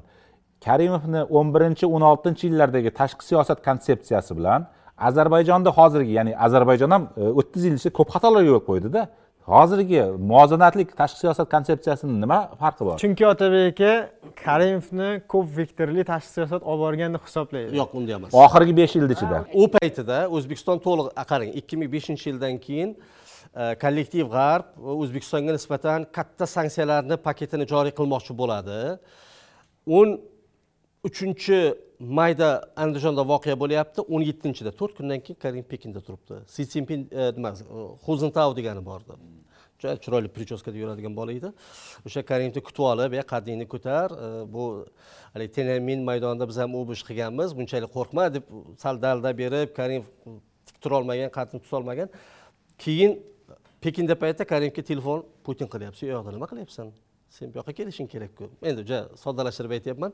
Va bir oy o'tgandan keyin iyun oyida haligi karimovni putin qabul qilyapti. Putinni qora labrador iti kelib karimovni hidlayapti. Karimov irimchi edi judayam irimchi odam edi.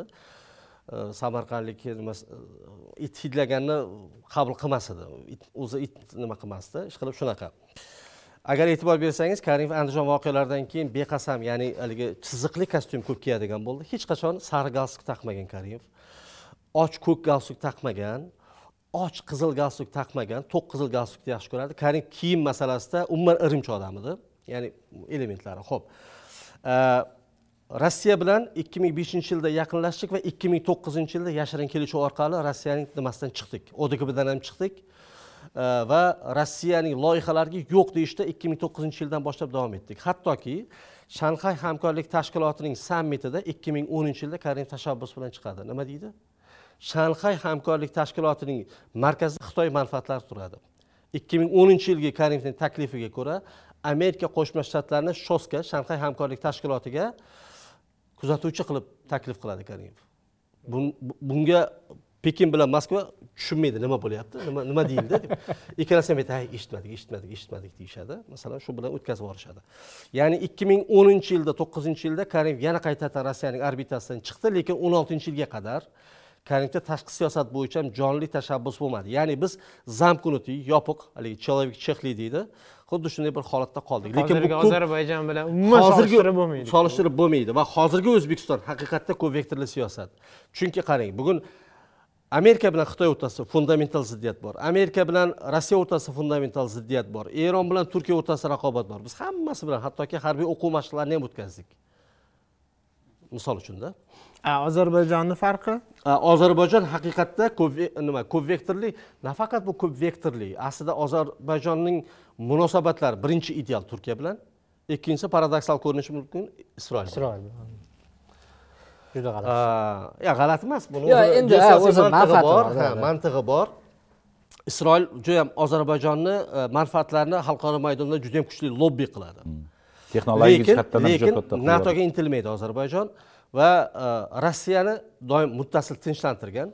Ya'ni bu yerda avtoritar rejim bu yerda liberal idealizm yo'q. Rossiyani g'ashiga keladi. Liberal idealizm eksperiment boshlansa postsovet hududidagi e, rossiya jamiyati qaranglar mana qozog'iston demokratiya qilyapti misol ukraina demokratiya desa putinga yoqmaydi misol uchunda demokratik saylangan rahbar ham yoqmaydi yoqmaydi endi e, yana siyosatga ketib qolaverasizlar bir men so'ram endi qachon keladi kamoliddin aka so'rab olsak. Tun bolada aytadiku "E, siz siyosatga aralashma degandimku deb endi bir e, pozitiv nota tugatish uchun yo to'xtang tugatmay turaylik. Yo yo Men- shu yaxshi xabarlar gapiraylik deb. shoshilasangiz tugatmay turaylik. Men bitta boshqa bir kamoliddin aka otabek to'g'ri aytdilar har doim ham kelavermaydi men bitta narsani so'ramoqchiman. Bu yil ikki ming yigirma to'rtinchi yilda o'zbekistonda parlament saylovlari kutilyapti. Xudo xohlasa. Xudo xohlasa va bu ham e, ma'lum bir ma'noda katta bir siyosiy voqelik. To'yxona to'y. to'ydagi gap ha to'y to'yda o'tadi ketadi xudo xohlasa. Kelin kuyov aniq deydiku o'shanga e, so'ramoqchi bo'lganim e, mayli saylovni o'zi qanaqa o'tishi e, nimalar kutayotganimiz haqida gaplashishga ham kelmayapti. Boshqa bir savol bermoqchiman. E, bundan oldin ham e, navalniy haqida gapirilganda ham ko'p atamalar siyosiy atamalar ishlatildi masalan u imperialist edi u maksimalist edi yoki u e, Natsionalist, edi va hokazo. Siyosat e, shu parlament saylovlari haqida gap ketganda juda ko'p bizni e, o'qiydigan narsa so'l o'ng markaz bu partiya so'llar partiyasi bu partiya o'nglar partiyasi va hokazo. Shu nima degani o'zi? Shuni bir tushuntirib bersak e, men o'zim iloji bo'lsa o'zimizni shu xristian tilda. demokratlar. Kimlar so'llar kimlar o'nglar? Misol uchun aslida bular qaysi g'oyani olib chiqish kerak? Demak o'nglar va so'llar borasida kun uz doirasida demak bir alohida loyiha qilgan edim. Bu e, youtubeda turibdi.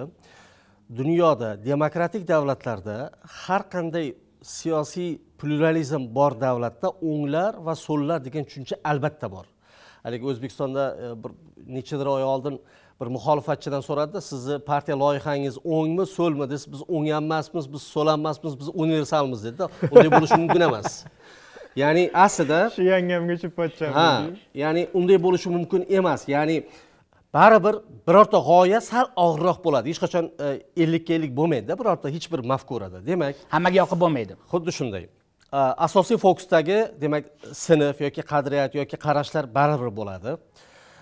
Demak dunyoda shakllangan keyingi uch to'rt asrda shakllandi. Buni tarixini ba'zan o'sha fransuz inqilobi bilan ba'zilari angliyani parlamentarizmi bilan bog'laydi. Demak monarxiya tarafdorlari o'ng tomonda o'tirib qolgan o'sha inqilobdan keyingi konvension deydi konvensiyada. Va e, o'zgarishlar tarafdorlari so'lda o'tirib qolgan. Endi men judayam soddalashtirib tushuntirishga harakat qilaman. So'llarning markaziy qadriyati bu tenglik insonlar o'rtasida tenglik bo'lsin degani. Ya'ni insonlar o'rtasidagi ijtimoiy diniy va boshqa tafovutlar minimal bo'lsin kam bo'lsin va insonning asosiy nimasi inson nimada teng? Insonlar hech qachon hech bir masalada teng bo'lmaydi.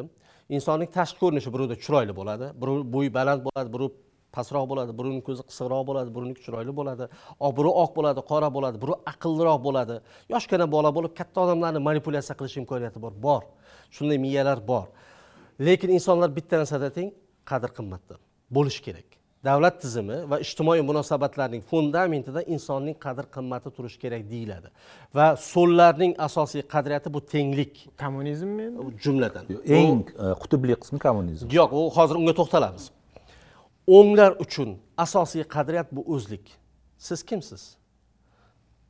Aytishingiz mumkin men o'zbekman yoki men tojikman yoki men qoraqalpoqman yoki men musulmonman yoki men xristianman yoki men yahudiyman yoki men o'zbekistonlikman qolgan davlatlar muhim emas yoki men isroillikman qolgan davlatlar muhim emas bo'lsa bu o'zlik bo'ladi. O'zlikning asosida har xil o'zlik turishi mumkin. Jamiyatda chunki e, har xil sivilizatsiyalarda har xil jamiyatlarda o'zlikka beriladigan fokus yoki yorug'lik har xil bo'ladi. Urug'lar xuddi shunday urug'lik. va aytaylik shundan kelib chiqib o'sha o'zlikka urg'u berish misol uchun amerikadagi respublikachilar e, bu o'ng partiya. Putin bu o'ng siyosatchi. Chunki unga rus shovinizmi rus imperializmi muhimroq. Erdo'g'an ham xuddi shunday. Bunga turkiylik va islomiy o'zlik muhimroq. Mana angela merkel germaniyada u xdsning vakili edi xristian demokratический soyuz ya'ni xristian demokratlar ittifoqi. Ular uchun xristian qadriyatlari juda yam qog'ozga o'ralgan lekin konservatizm bu. Xuddi shunday yumshoq layt deymiz e, islomist islomiy qarashdagi bu erdo'g'an bu. Ya'ni qolgan o'zliklarga urush e'lon qilmaydi repressiya qilmaydi bosim qilmaydi lekin o'zining o'zligini parvarishlash uchun alohida davlat resurslari davlat siyosati ustuvorlik beriladi. Xuddi shunday tramp tramp markazdan uzoqlashgan o'ngroq. Крайний крайний e, правый deydi ha ya'ni klassik ashaddiy o'nglarga kimlarni misol keltirish mumkin? Usama bin laden. Yoki yana kimlar bor? Xristian dunyosida yoki mana marin lupen sivilniy merdon olaylik marin lupen yoki gert vilders bular hattoki o'sha o'zlikni saqlash va parvarishlash uchun kuch ishlatishni taklif qiladi. Qolganlarga nisbatan. Qolganlarga nisbatan. Ya'ni o'rtada o'rtada erkinlik turadi va er-, erkinlikdan o'ng tomonga ketaversangiz erkinlik pasayib kuch ishlatish oshib boradi. Xuddi shunday erkinlik turadi. Demak so'lga ketaversangiz erkinlik pasayib borib kuch ishlatish tarafdori oshib boraveradi. Karl marks kuch ishlatish taklif qilmagan. Bunga lenin va stalinni aytish mumkin mao zedunni aytish mumkin. Tenglikni ta'minlash uchun kuch ishlatish kerak repressiya qilish kerak. qurol degan xuddi shunday ya'ni quloq qilish boylarni yo'qotish o'zlik tarafdori mana qodiriy cho'lpon bular o'zbeklarning o'zligini saqlovchi sinf bo'lgan sinf bo'lgan va ularni yo'qotish orqali sovet odamini yaratish kerak degan bir qarash paydo bo'lgan. Ya'ni juda yam soddalashtirib aytganda крайний левый получается o'rtacha aytganda ashaddiy so'llar va ashaddiy o'nglar. Lekin o'rtada erkinlik va odatda dunyo davlatlarida markazga yaqin o'nglar va markazga yaqin so'llar. Ya'ni endi o'zbekistonda beshta partiya bor. Ularning dasturidan kelib chiqsak ikkita klassik so'l bor adolat va hdp xuddi shunday. Ya'ni adolat sotsial demokratik partiya. Sotsial demokratiya dedimi? Ijtimoiy demokratiya degani. Ya'ni ijtimoiy tenglikni erkinlik orqali ta'minlash kerak. Ya'ni ha xuddi shunday. Ijtimoiy ko'p farzandli demak oilalarga ijtimoiy himoya qilish va allambalo va undan ko'ra sal so'lroq bu xalq demokratik partiyasi. Bular ikkalasi uchun tenglik lekin demokratik vositalar demokratik institutlar ya'ni kuch ishlatmasdan demokratik e, o'zbekiston konstitutsiyasi doirasida. Endi o'nglar eng o'ng partiya bizda milliy tiklanish. Ya'ni bu oila qadriyati o'zbekchilik mahalla ya'ni demokratik institutlar va huquqiy davlatchilik doirasida o'zbek jamiyatini konservativ jamiyatini himoya qilish. Bu o'ng. Bu ashaddiy o'ng emas bu markaz o'ng. E, endi keyin e, o'ng deylik markaz o'ng markazga yaqin bo'lgan o'ng ha o'ng deylikda ashaddiy o'ng emas o'ng. Ho'p liberallarchi uzli deb ularning mafkurasi sintez ikkita uning tarkibiy qismi bor. Iqtisodiy nuqtai nazardan bu klassik o'ng chunki bular kapitalistlar. Bu e, demakki puldorlar tadbirkorlar ishbilarmonlar ya'ni bu yerda tenglik bo'lishi mumkin emas so'llar odatda yollanma ishchilarni himoya qiladi mana angliyadagi so'l partiya bu leyboristlar ya'ni mehnatkashlar o'zbek tilida leybor degani mehnatkash demak yollanma mehnatkashni himoya qilyaptimi bu so'l partiya lekin o'zbek o'zlidep Boylarni. iqtisodiy jihatdan bu boylarni kapitalistlarni mulkdorlar sinfini himoya qilishga harakat qiladi. Bu klassik o'ng partiya lekin siyosiy qadriyatlar nuqtai nazaridan bu baribir liberal partiya. Xu- xuddi shunga o'xshagan partiyalar bor yevropada ham. Mana e, gollandiyada liberallar partiyasi bor. Bu masalan o'zini liberallar deydi. Demak iqtisodiy jihatdan o'ng lekin siyosiy qadriyatlar nuqtai nazaridan so'l partiya. Ya'ni angliyada ham liberallar bor masalan. Liberal demokratlar to есть ha xuddi shunday. Ya'ni e, insonlar teng bo'lsin va tenglikni asosida liberalizm erkinlik tursin deydi endi ekologlar meni nazarimda yashillar. bizdagi yashillar. Endi buni shartli ravishda so'l desak bo'lsa kerak. Chunki har doim so'llar masalan yevropada so'llar bilan e, ittifoqqa kirishadi koalitsiyada o'nglar bilan juda kam. Endi markazchi yoki lekin markaz nima uchun bu bu farqlarni jamiyatimiz bilmaydi? Chunki bu partiyalarda e, faoliyat mavjud emas kamoliddin aka e, siz e, birinchi ma'muriyat to'g'risida juda ko'p gapirasiz. E, davrlarga bo'lasiz xatolari yutuqlari haqida ko'p gapirasiz. Ikkinchi ma'muriyat haqida imkon qadar kamroq gapirishga harakat qilasiz. Manda haqida shunday tasavvur lekin sizni doimiy ravishda kuzatib boraman. Shu balki ikkinchi davr haqida gapirishga vaqt hali kelmaganmi yoki bunga yetarlicha vaqt e, kerakmi yana hali? Va umuman tadqiq qilish uchun. Ikkinchi ma'muriyatdagi siyosiy jarayonlar haqida bir e, fikrlaringiz menga qiziq. Yo agar facebookda e'tibor bersangiz meni vaziyat joriy vaziyatga bildirayotgan e'tirozlarim bu ikkinchi ma'muriyatga bildirayotgan e'tirozlarim. Misol uchun. Ha tekushi ha ya'ni e, muammolar juda yam ko'p bil- munosabat bildiraman. Masalan kelayotgan saylovlar bo'yicha ham e, o'tgan yigirma uchinchi yilda hattoki chiqishlar qildim. Yoki yaqinda e, markaziy teleradio kompaniyani rahbariyati almashdi. Bu to'g'risida alohida bir savol qildim. O'zgarish kerak siyosat deb. Chunki ikki ming beshinchi yilda tayinlangan shaxs haligacha chunki biror bir shaxs tayinlanayotganda unga siyosiy vazifa qo'yiladi. Va o'sha paytda qo'yilgan vazifa nazorat edi. Faqat primitiv mexanik nazorat edi. Bizga kuchli siyosiy kontent kerak ekan kuchli bir milliy kontent kerak ekan. Televideniye uyg'onishi kerak. Ya'ni bu aslida berayotgan vaziyatga berayotgan bahom yoki o'tgan yili o'sha bir ikkita bloger bolalar qamaldi men o'zimni e'tirozimni bildirdim. Ya'ni men aytdimki to'g'ri ular xato va kamchiliklar qilgan bo'lishi mumkin. Men ularni xato qilmadi demadim. Lekin ularga berilayotgan jazo bu siyosiy motivlarning hidi kelyapti dedim. Yetti yil sakkiz yil. Ya'ni e, munosabat shunday bo'lishi kerakki davlatning o'sha siyosati shunday bo'lishi kerakki bu ikkinchi ma'muriyat to'g'risida. Ya'ni proporsional bo'lishi kerak va qilayotgan xatoga muvofiq ravishda ya'ni g'arbda bilasizmi birorta bir jurnalist yoki bloger xato qiladigan bo'lsa birdaniga katta so'roq umuman berilish o'zi mumkin emas. Hech bir huquqiy davlatda. Birinchidan ogohlantirish mexanizmi ogohlantirish tizimi bo'lishi kerak. Ikkinchidan mana ikkinchi ma'muriyat davrini ham ikkiga bo'laman. Birinchi uch yil juda yam dinamik so'z erkinligi bo'ldi. Keyingi paytda qandaydir pessimizm mastrov ehtiyotkorlik desak bo'ladi. Ya'ni bizga so'z erkinligi juda yam kerak. So'z erkinligi e, qachon ijtimoiy yoki siyosiy muammo bo'ladi? Agarki davlat institutlarini mana e, kran qishloqlarda suv nima qilamizku? Ichkaridagi e, ommaviy axborot vositalari jamiyatning muammosini tepaga suvdek olib chiqadi.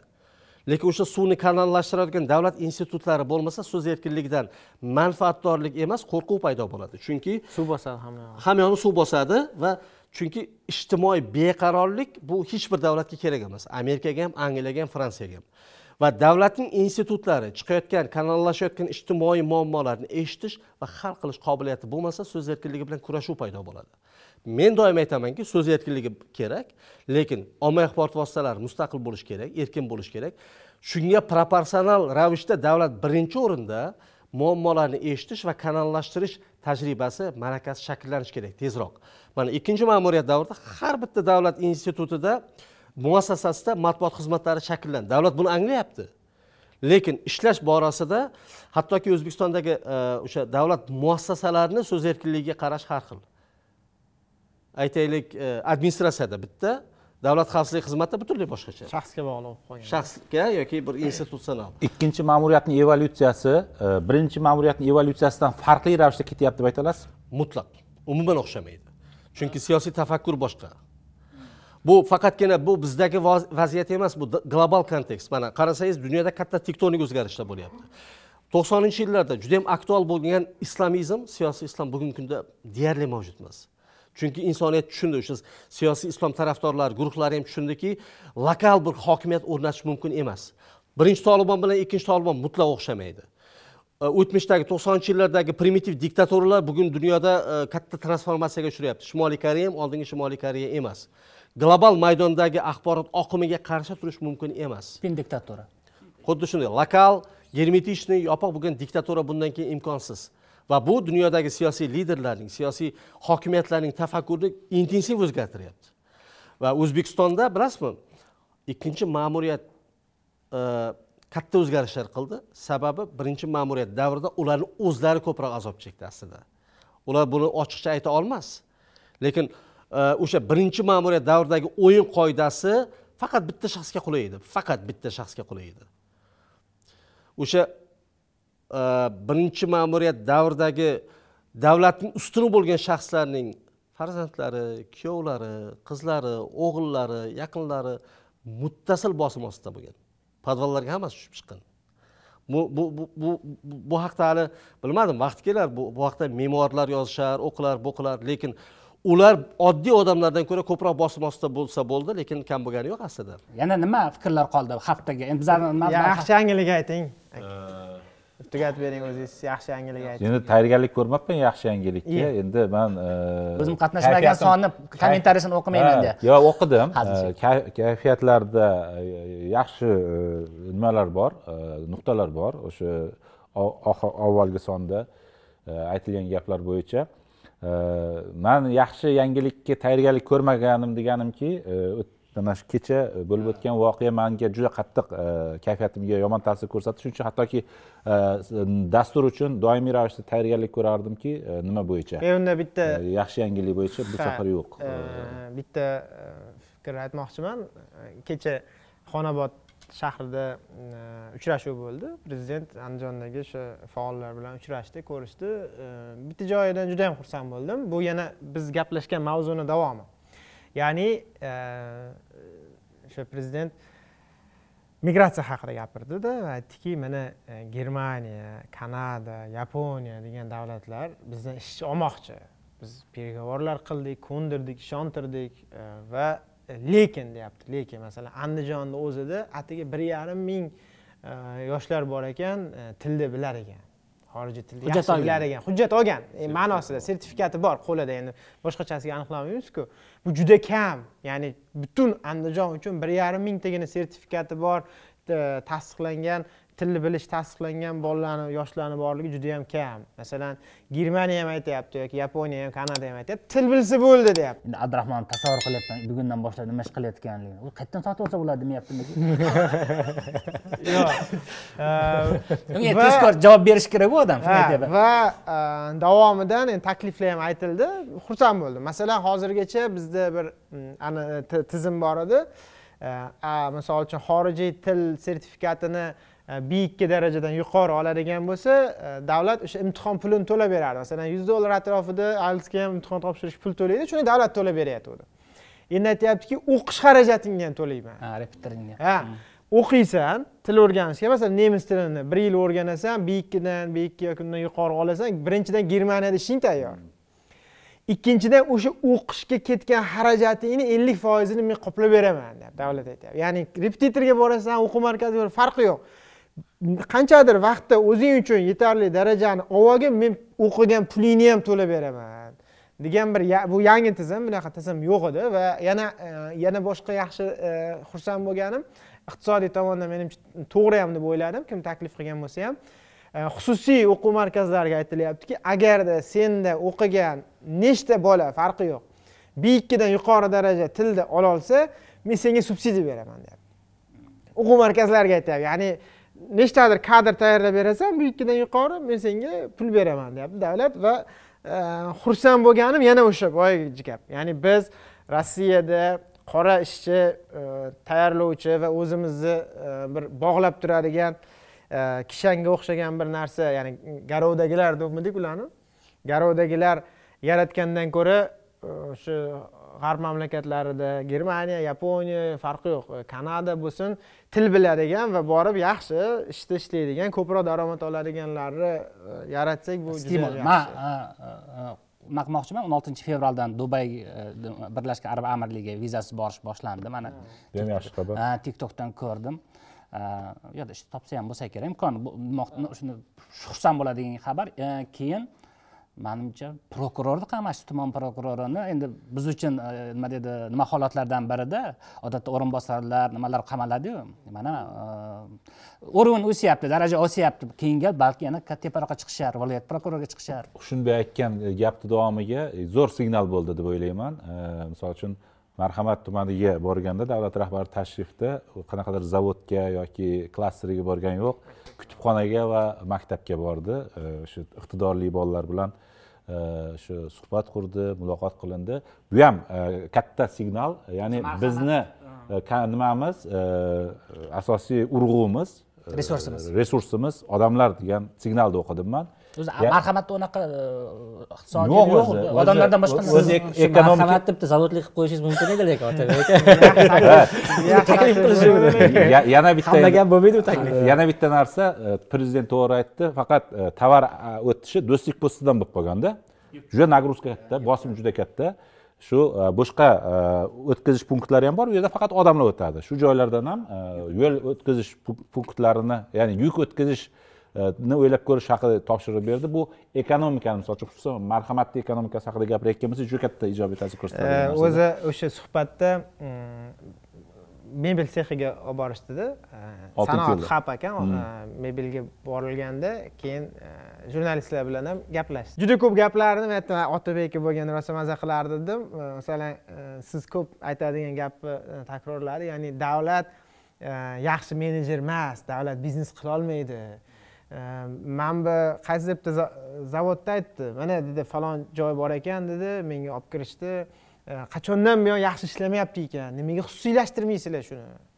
Qilolmaysanku baribir deb urishadi. Baribir qilolmaysanku davlat qachon yaxshi biznes qilgan qachon yaxshi menejer bo'lgan qilolmaysizlarku qo'ysanglarchi. Undan ko'ra ber shu biror tadbirkorga yuritsin o'zini puli bo'ladi o'zini o'zi yelib yuguradi shu yerda rivojlantiradi. Qo'l ushlab o'tirasan hammangni deb rosa iqtisodiy tomondan aytib aytib otabek aka bo'lgan narsa semirardi. Shu joyigada misol uchun o'shga borsangiz jalolobodga borsangiz o'zbekistonni andijonni mebeli hamma magazinda to'ylarga ham andijonni mebeli olinadi. Davlat bir so'm u yerga e, nima qilib qo'ygani yo'q. Odamlar xususiy biznes oilaviy biznesga aylanganda misol uchun e, unga davlat borib man senga sharoit qilib beraman degani yo'q. Endi ko'zi tushib qoldi davlatni to'xta bu yerda butun boshli mahallalar mebel bilan shug'ullanar ekan deb ko'zi tushib qoldi endi. O'ldirmoqchi deysizda. Yo'q. Endi endi xalaqit qilmaslik kerak yo shuni aytdi. shuni qilsa edi lekin bizni davlatimizga shuni aytdi. Tegmasang bo'ldi odamlar o'zi qiladi. U anavi e, hokim buvamiz e, feodal hokim buvamiz uni eksportni qo'shadida endi baribir joylarda. Shuning uchun uchtadan yutaveradi lekin shu yaxshi man notiturkda bir narsani aytib qo'yishim kerak anavi atlasni o'rnida uy qurishyapti juda yoqmayapti manga просто man aytmoqchiman keyingi sonlarda bir gaplashsak yer ajratilgan masalan guzar qurib ber mahallaga bir narsa qurib ber deb hozir u hamma joyda domda ya'ni keyin missiyasi o'zgarib ketgan nima deydi xatlov nuqtai nazaridan bir yaxshi ekspert topib gaplashsak yaxshi bo'lardi qon qildi shahar ichidagi qurilishlar odam charchayapti eng zo'r misol bu shimoliy vokzal ro'parasidagi haligi to'rt qavatli uchun olingan atlasku atlasni olasizku u o'zi aytildiku atlaslar adashmasam keyin media parklar ekobozorlar sotilgan sotib yubordim degan и hammasi juda yengil konstruksiyada hammasi qurilgan bir qavatli misol uchun ekobozor keyin bayonot berdi bayonotda aytilishicha yigirma uchinchi yil oktyabrda uni missiyasini o'zgartirib berdi shahar arxitekturasi. Nimaga unaqa qilasan? Nimaga unaqa qilasan? Parkka o'zgartirib ber o'sha joyda. Ming la'nat ularga. Kim o'zgartirgan bo'lsa man sudga bersa ham roziman park qilsin edi shu ham roziman farq qilishiga. Kamoliddin esimizdan chiqib qoldi. Kamoliddin akani foydasiga hamda. Suhbatni tugatamiz yetgandilar. Ha. Tugatamiz. Rahmat sizlarga hammanglarga uch soat man qariyb uch soat e, suhbatlashdik. E, xudo xohlasa e, ulgursak ertaga e'lon qilsak manimcha yaxshi bo'ldi. Kamol aka kelganingiz uchun rahmat juda yaxshi. Nima deydi lekbiz ko'p bo'ldi bugun. Ana e, qutbimizni aniqlab oldik o'ngligimizni chapligimizni o'zimiz uchun ham. Va shuning uchun katta rahmat sizga kelganingiz uchun. Rahmat. Rahmat. baraka topinglar. Rahmat. Ko'rishguncha salomat bo'linglar. Rahmat